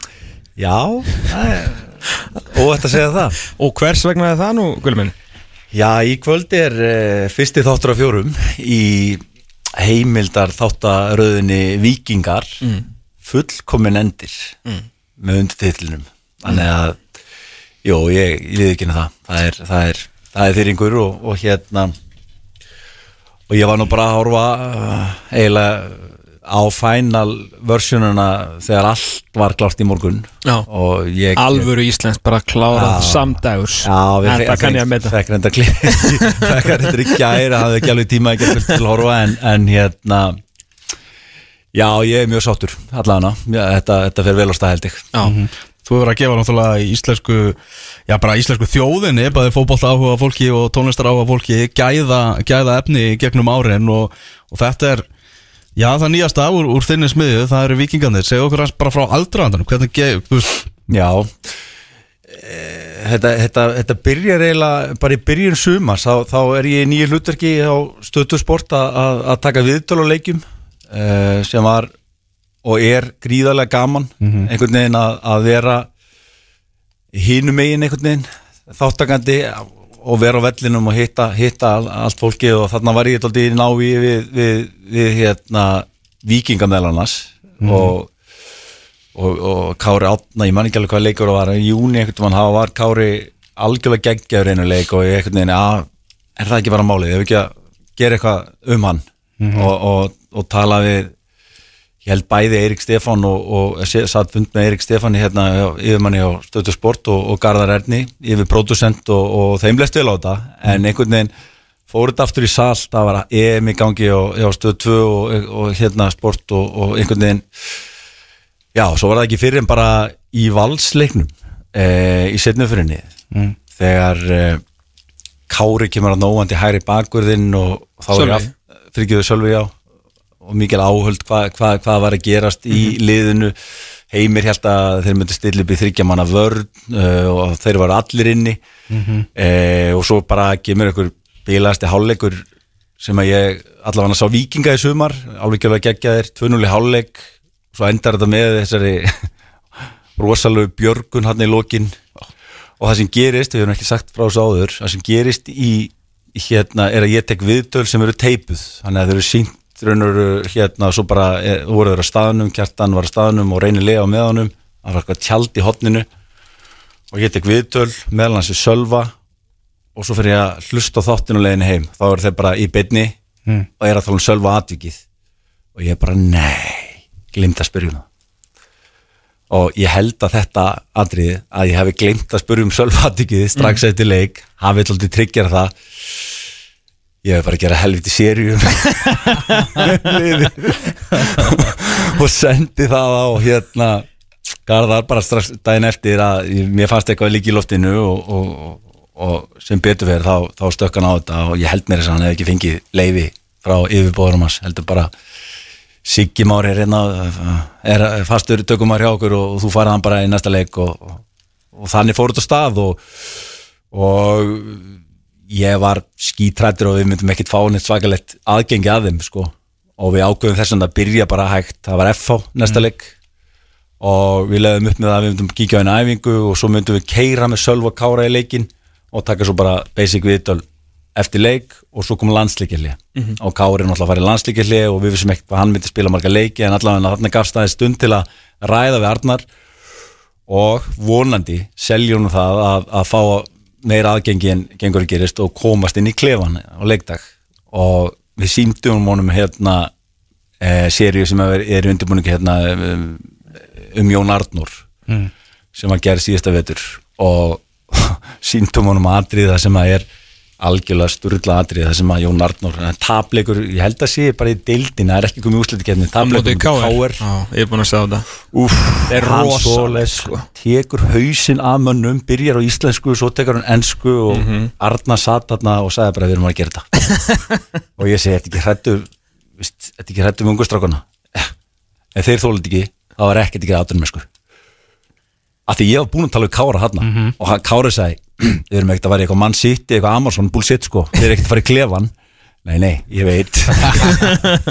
Þannig að það var einhver Arnar sem að, sem að hérna, samfærið mennum að komast í, í klefan og, og ég er nú ekki búin að sjá allt sko en, en það sem ég er búin að sjá úr til dæmis káleiknum er, já, það er magnað. Já, það verður uh, kannski verður að segjast og þú að svolítið verið að spila fyrir krátið þegar að KR klippan og svona KR senan var spilið á herrakvöldi Vikings um, um daginn, það var ólíklegt að myndi klikka Mm. en ég verð að segja að þetta var hérna uh, við erum ekki að meina þetta illa þetta var betra en ég held uh, bara svona því að maður þetta er líka bara svo uník fyrir Ísland sko maður, hef, það er voðalega lítill access skilur, þú veist að það er eitthvað að taka þetta skref, ég maður bara þú veist þegar við í- í setni bylginni svona vorum að reyna þetta og þá svona menn voru til í þetta en svo ekki einhvern veginn þegar að koma á þetta og svona, þetta er erfitt að samfara mennum þetta. En hérna og maður tók líka eftir því að, að eins og kameran í káverklefunum hún er svona á fannig stað og ég mynd, var með Sigga úti núna og svona spurði hann út í staðsetningur á myndaðalinni sem er svona alveg bara beint ofan á skallan og Arnari. Svona 360 kamera sem fest, fest upp, í, upp í loftið og einhvern veginn nær einhvern veginn öllu spektrumunu Já, sko. en samt líka svolítið svona til þess að menn er ekki ómikið að pæli í þessu sko. Akkurat. Þannig að það hefnast bara þannig að sem betur fyrir gengur það upp og sjónarhóttinu á endanum er drullu töff sko. Og er Já. bara með kassan alveg neldan sko. Þannig að hérna, þetta var allan að káir senan er mjög flott sko. Já, ég, ég, hérna, ég get nálega sagt við ykkur að þetta er ekki allt klárt. Það er hérna, við vorum bara að fá röf klipp af öðrum þætti bara í fyrra dag sko. Mm. og, og það er og við það sem við erum að gera í þessum þáttum eh, auk þess að sína eða við byrjum, byrjum bara þegar Arnan tekur við. Það er fyrsti þáttur við liðinu, við vingisliðinu og svo munum við sína eh, brot svona úr eh, hans ferli. Mm. og, og svona og því miður gáttu við kannski ekki að fara í alla kapla sem við ætluðum okkur en, en, en, en, uh, en í öðrum þætti erum við að fara í kannski sögur sem hefur ekkert alltaf mikið heist það er saga Sölva G. Sóttisen Mhm. og þú þekkir hann og nokkur Jó, ég þekki hana ans- ansi vel og hún en er það er ekki allir sem þekkja að hann Nei, er og sem hluti sem, að, sem hann hefur ekki gert áður Já, og hérna ég frettaði mitt líka núna í vikunni að vera að tala við við minn mann, uh, Jón Víkingsson pappa Sölva sem er uh, mikill meistari og hjálpaði okkur svona á sín, þegar Sölvi fattaði þegar hann var hún ungur ja, þegar var, að að sko Sölvi kom mjög humble og skemmtilegu strákur svona inn í þegar ég tók á mótunum Breykir skóla á sín tíma sko.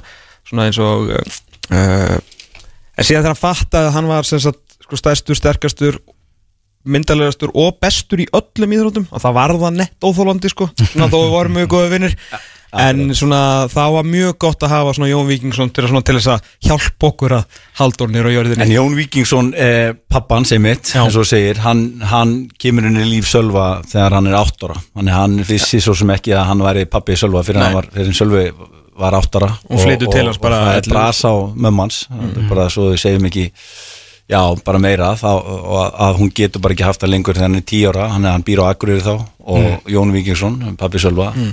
Og, Og Erna. og Erna, konan hans, taka á móti Sölva og það, já, það, það var krefendi verkefni, þú hefur sagt og hérna og hann saði mér enda líka að fyrsta árið, þá var hann bara sjónum hann er Erna stjúpmóður hans sem alltaf þekkti Sölva hún Mhm. svona sá bara um málinn sko en við, við já, og meðlans fyrir við yfir þetta bílsli sem hann lendir í tvö- 2002 og, og fyrir algjörlega tilviljun einmitt, Jón Vingingsson áttið á Vaffa S-bólu, fundum við frétt stöða 2, hún hafði ekki fundist hér innan hús, Ok. hún hafði ekki fundist í rúf Vá Þetta er svakalegt strákar. Sjá bílinn eða? Já Rauði Og bim- þau- rauði bimur hans Halla? Þau eru á vettvangi sko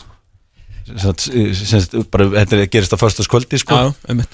og þau eru á vettvangi og hann alltaf sleppur og, og man eina af þessum þrejum sem man eitthvað, það Mhm. gerðist Mhm. þannig laga sko við hvernig það hringdi fyrst í Nei. þegar hann vaknaði morgunin það var ekki mömmu að pappa Já. Luka Kostik það var Já. leikunum bara Já, meinar Nei, það er svo sem, já, hann náttúrulega fór aðeins hérna, eftir ég hendi nú hérna í, í tweetum í sumar eftir þessa björgun sko og það og þá svona fórum við svona menna staða að fjalla um þetta svona aftur sko ég var búin að taka viðtalega í fréttaflænum fyrir einhverjum árum en þú veist, það er alltaf að halda þessu lofti því að það sem hann hefur gert við sinn feril með við meðslinn sem hann hlýtur þarna þetta er bara storkar öllum, öllum, öllum þetta er bara bull sko. Þetta er bara algjör þvæla. Mhm. hann, og náttúrulega fyrir, yfir, sko, til að byrja með að þeir hafi lifað þetta af. Mm. það var bara eitthvað sem vakti yfir þeim sko. Til það eins og ég lísti í þessu tvítu og ég var ekkert að grínast þetta er ekki bílsins, þetta er flugsli sko. Þeir fljúa í bíl Já, þeir bara eru 40 metrar 170 km eru kappastri. Já. Fara hann fram að brúnni undir, undir Hamnaborginu og fljúa bara niður í hverfið hinnum megin sko. Þetta, þetta er með ólíkindum sko. og það sem að, en alltaf hann er Sölvi er náttúrulega ótrúlegur þú veist það var bara að segja, hann er með skrokk sem að á sér fáa líka hér á landi var ástæðan fyrir að hann var, var bestur í öllu og ég veit þetta er oft sagt um hinn og þessa og þú átt öruglega svona vini gegnum þína tíð sko, svona sem að segja að hann hefði verið bestur í öllu. Já, ég ætla, ég, ég, ætla að koma að sinna það að því ég ætla að auglýsa eftir einu Já. og ef, ef það liggur einhverstur úti því að hann er hann ætla að velja ísóki og ég veit ekki hvort þú sást hann ísóki Tómi Ég fór, já, ég, áður, en, ég, en ég það fór sem við erum að býða eftir og við finnum ekki Mm. er ef einhver liggur á vídeo af hann ísóki okay. við það gefur þetta aldrei tóni fyrir fyrirlinnars mm Mhm. jafnvægið, styrkurinn að hann var komin í fullonins ísóki bara þegar hann var 14 ára eða eitthvað sko. Mhm. af því að hann var það sterkur sko.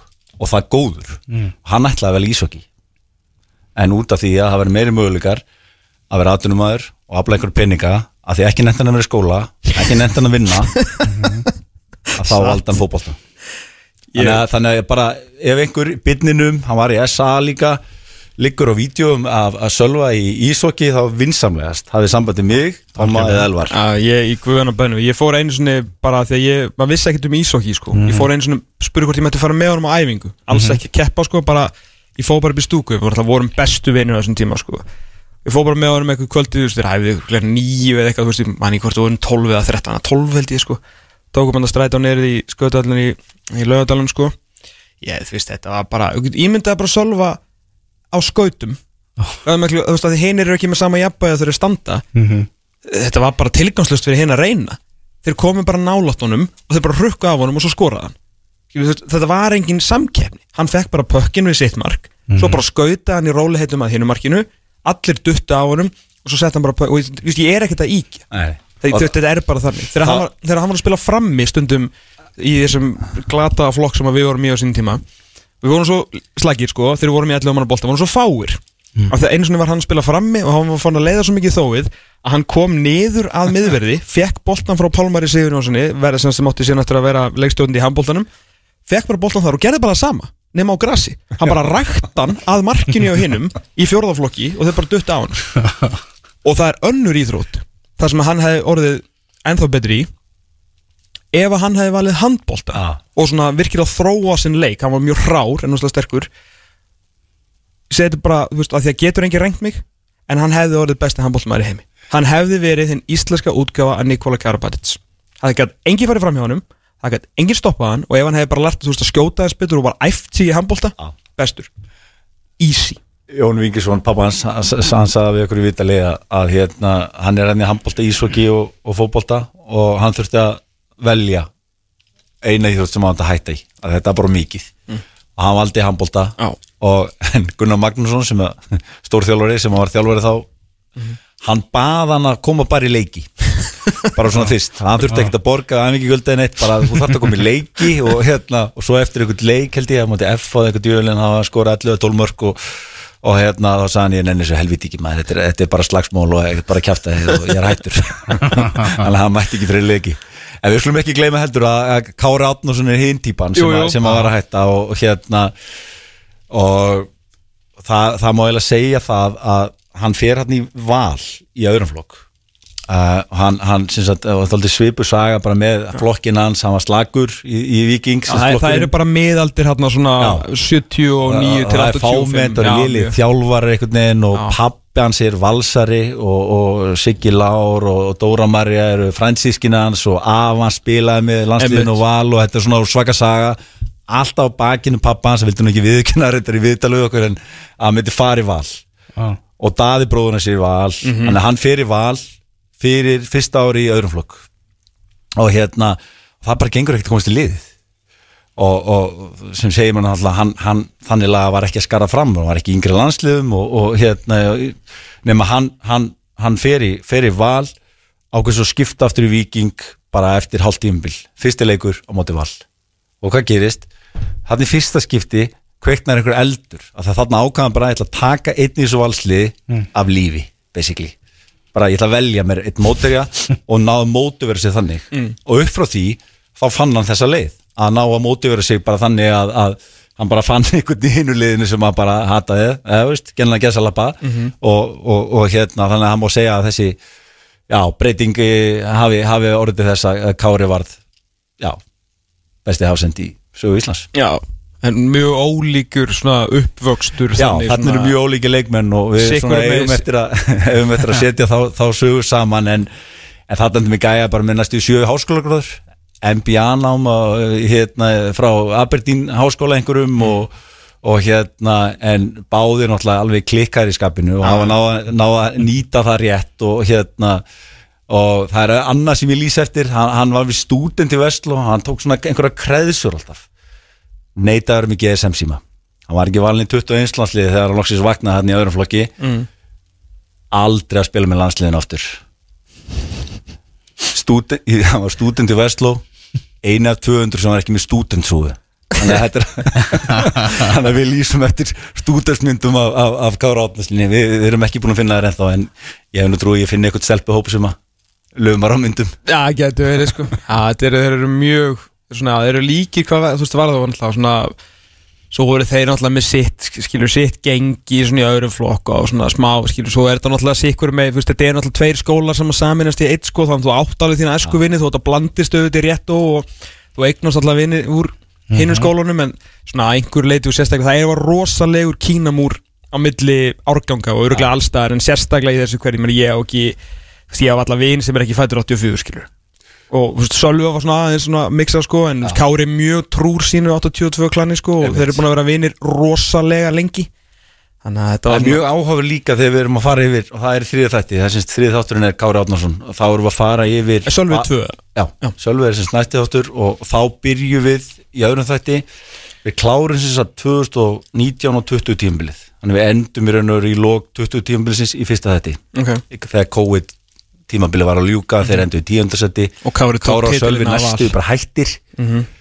og, og, og byggjar er náttúrulega í sama þætti og í, byrjun uh, þáttanum með tvö þá erum við að fara yfir, yfir byrjun á þessu tímbili og við endum í raun og veru á Sölva Björgurinni í Mm. þriða þætti erum við þá að, þá erum við byrjað að fylgjast með basically liðinu, þá, þá byrjum við á FH Mm.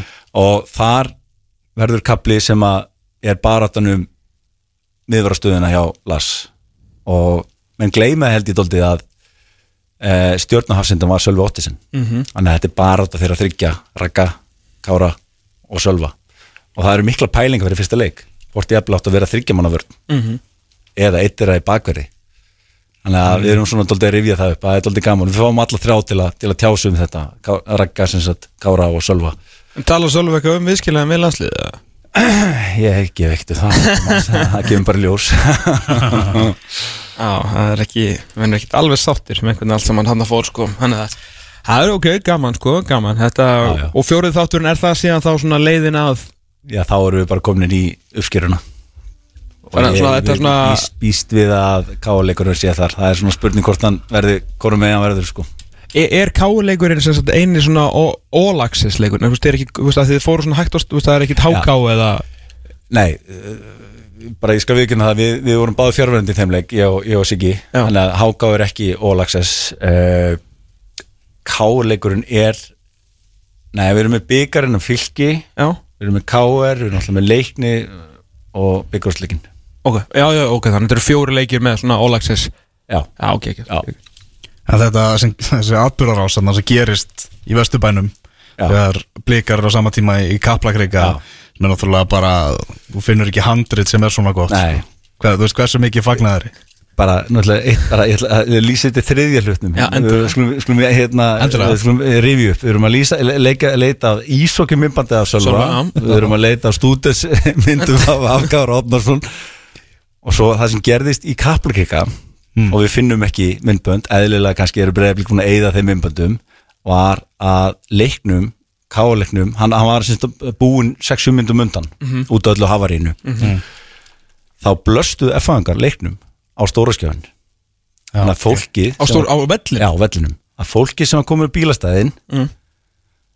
sá að það var komið víti og fó bara upp að gerðingunni og byrjaði að fagna Og þegar þetta er ekki til á kameru að Ég er búin að fara í alla blíkahópana Já. En fákunum finnir þetta ekki Þetta er ekki þess að við mjög vel sem er hann Þannig að ég lýs eftir þessum myndbandi að einhver Já. eigi það allavega að það sé bara, við sjáum bara að þetta sé sínt á skjánum sko.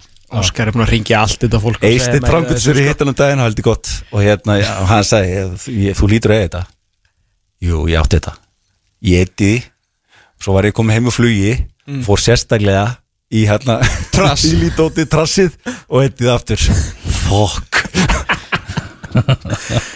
Já, þetta var ámaður En hvað er svona Það sem að, ég sko, ég, þú veist náttúrulega að þú ert með svona, ég veit ekki hvað við erum margir vikingar, þú veist, eitthvað eitthvað í þúsund eða eitthvað Þú veist alveg að við erum fara að horfa á, sko Mhm.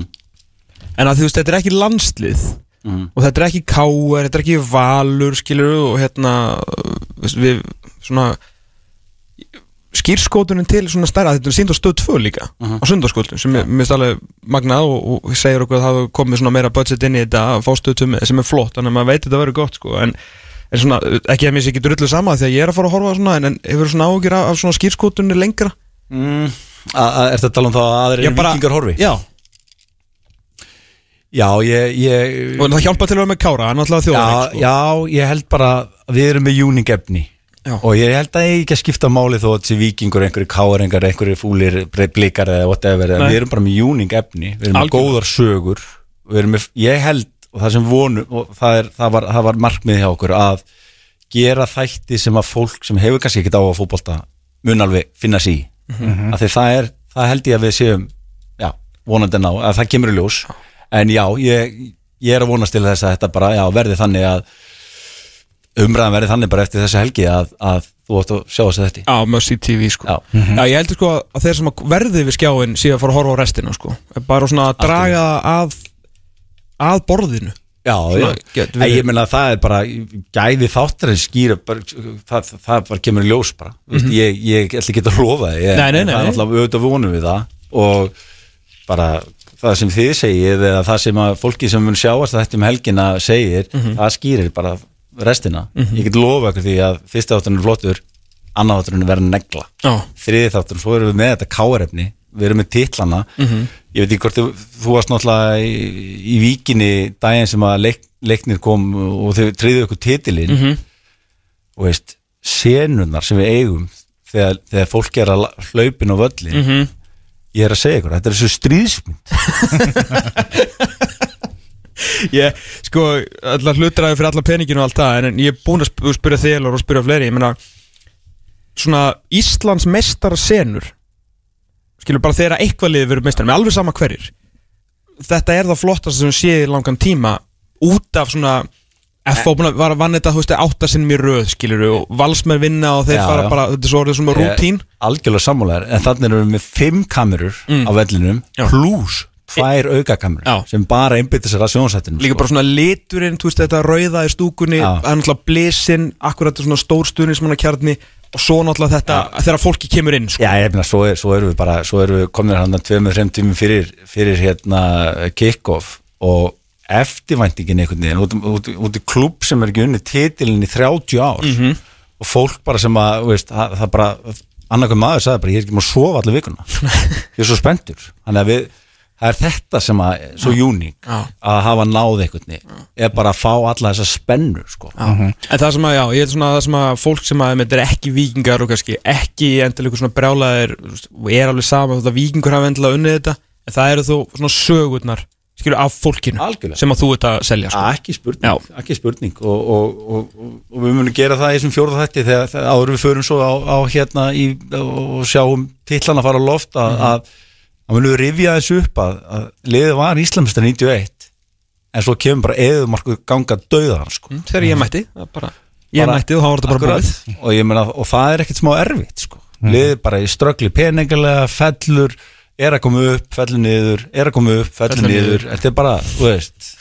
Þannig að þetta er já, þetta er saga held ég er sem fólk getur tengt við sko, Algjörlega, hvað erum við að sjá á skaganum? Í nákvæmlega sama. Jú. Komið 20 á núna mitt. Þannig að af þessum erlendu svona þáttum sem hafa verið gerðir svona Sönderland til að dæ og nefndir sitt í þáttin, Leeds þátturinn og þannig Ertu búin að horfa á þess að þetta? Já, flesta, ekki alveg allt. En já, já ég meina, þetta er geggja sjónvarsefni Nákvæmlega.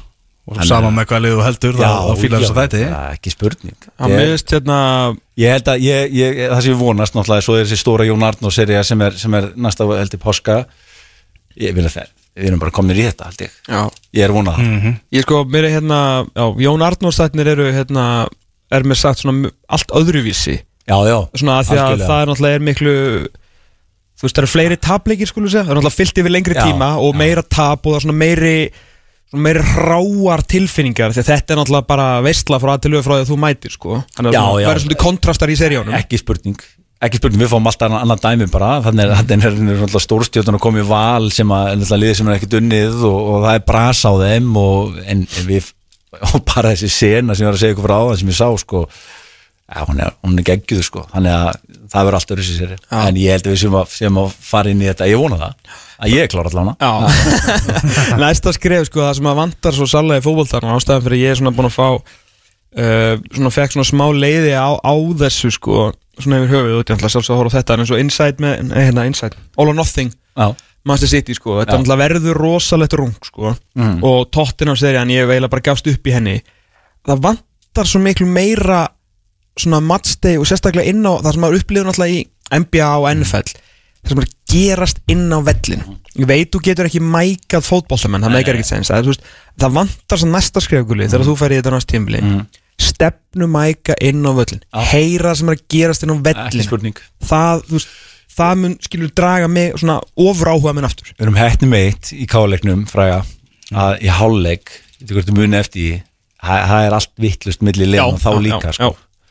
og þá erum við með okkar mann Sigga sem betur fyrir staðsetta bara hjá rananum hann sem að leikmenn gangi inn og Mhm. það eru nokkra sinnur sem að Já, ok. verður, frólægt að sé á af því það er neistar á milli félaga sko En það sem að þetta náttúrulega gefur er skilur hvað þegar menninir eru í vinnunni Mhm. að ég veit að auðvitað er allt hluti af því að vera í vinnunni en svona klefaræða skilur svona inn í klefa Mhm. þá er þetta mestmægnis auðvitað komandi í tóttina seríunni þegar veist, Erik Dægir og einhverju svona fóra að rífa skilur Mhm. sem er eitthvað svona þú sérði ekki á, áður veist, hefur ekki séð áður en í grunninn eru svona klefaræð þú veist hvort það sé Guardiola Morinni og Arnar Gunnarsson sko, þú veist Mhm. bara þegar svona einn maður stýri bara klefarum, gott sjónvarp en það vantar svolítið svona þú veist að vera að stýra og smá svona passion inn á vellinu skilur, þannig ég er alltaf Eh, Ég meina þetta er bara byrjunin held ég ekki. Þetta var- Nei, mér þetta er ekki svona komið úti sko. Nei, ég er að segja það, sko, þetta, þetta, ég meina þetta mun bara þróast eins og annað efni, sko, algjörlega, og, algjörlega. Og, og við munum fá meir og meiri aðgang, held ég, sko, við erum ekki inn í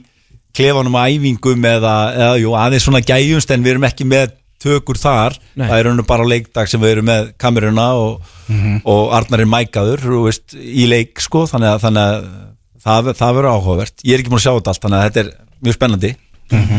Ertu með í huganum svona hvað þú vilt gera næst? Viltu fylgja þessu eitthvað eftir, gera eitthvað svipað?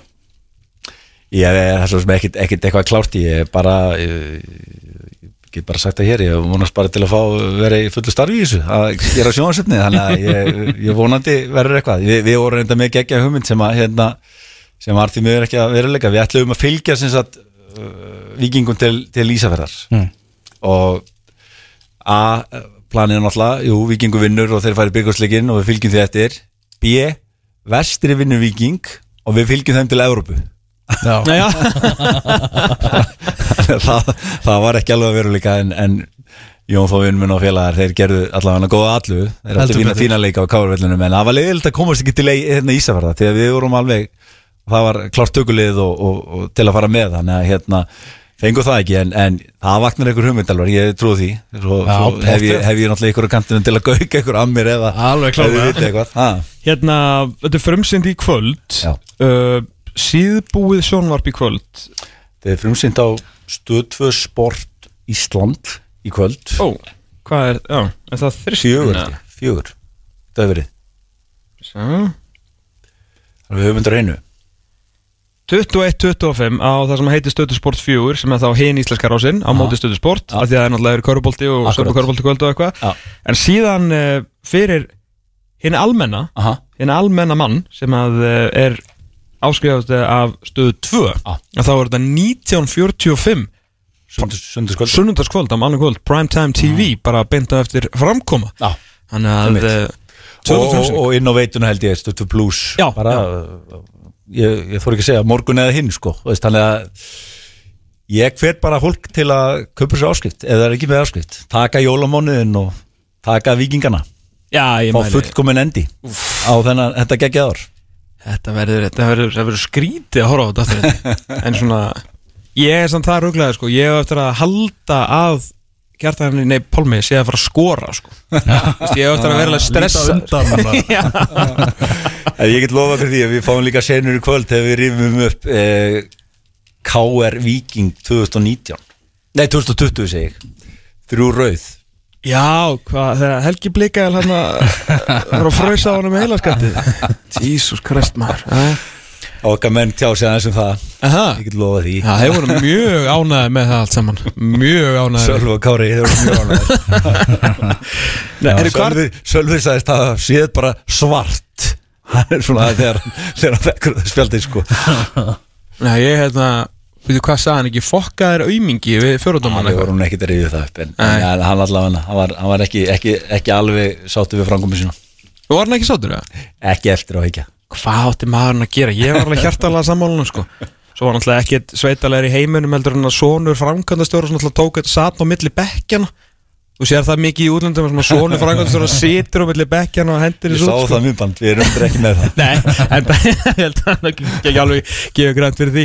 Herru Gulli, bara takk hjá fyrir komuna. Til hamingju með þessa serju uh, Við erum alltaf spenntir að horfa á hvetjum alla Til þess að endur taka, það voruð í kvöld á stöðusport 4.21.25 Anna kvöld á stöð 2, 19.45 Og svo bara inn á stöð 2 plus Og svo rúlar þetta næstu fjórar vikur Alvöru aðventu efni. Já, ekki Enda vikingarnir rauður eins og jólin Nákvæmlega Það er bara þannig Herru, mm -hmm. var klára þáttu núna eða bara taka smá pása? Hefur ekki bara að slúta þessu? Ég held að þetta sé bara ágætt Við tölum við Jóndaði Böðarsson hérna rétt á hann var að sagða okkur mjög hreinskilislega frá sinni stöðu hjá Millwall og hann er svo sannlega að reyna að koma sér í burtu hefur verið hans erfiðasta tímabil á ferlinum andlega að reyna að svona halda haus í gegnum þennan ólgu sjó sem að eh, hann sikli nú á í Millwall í Lundunum.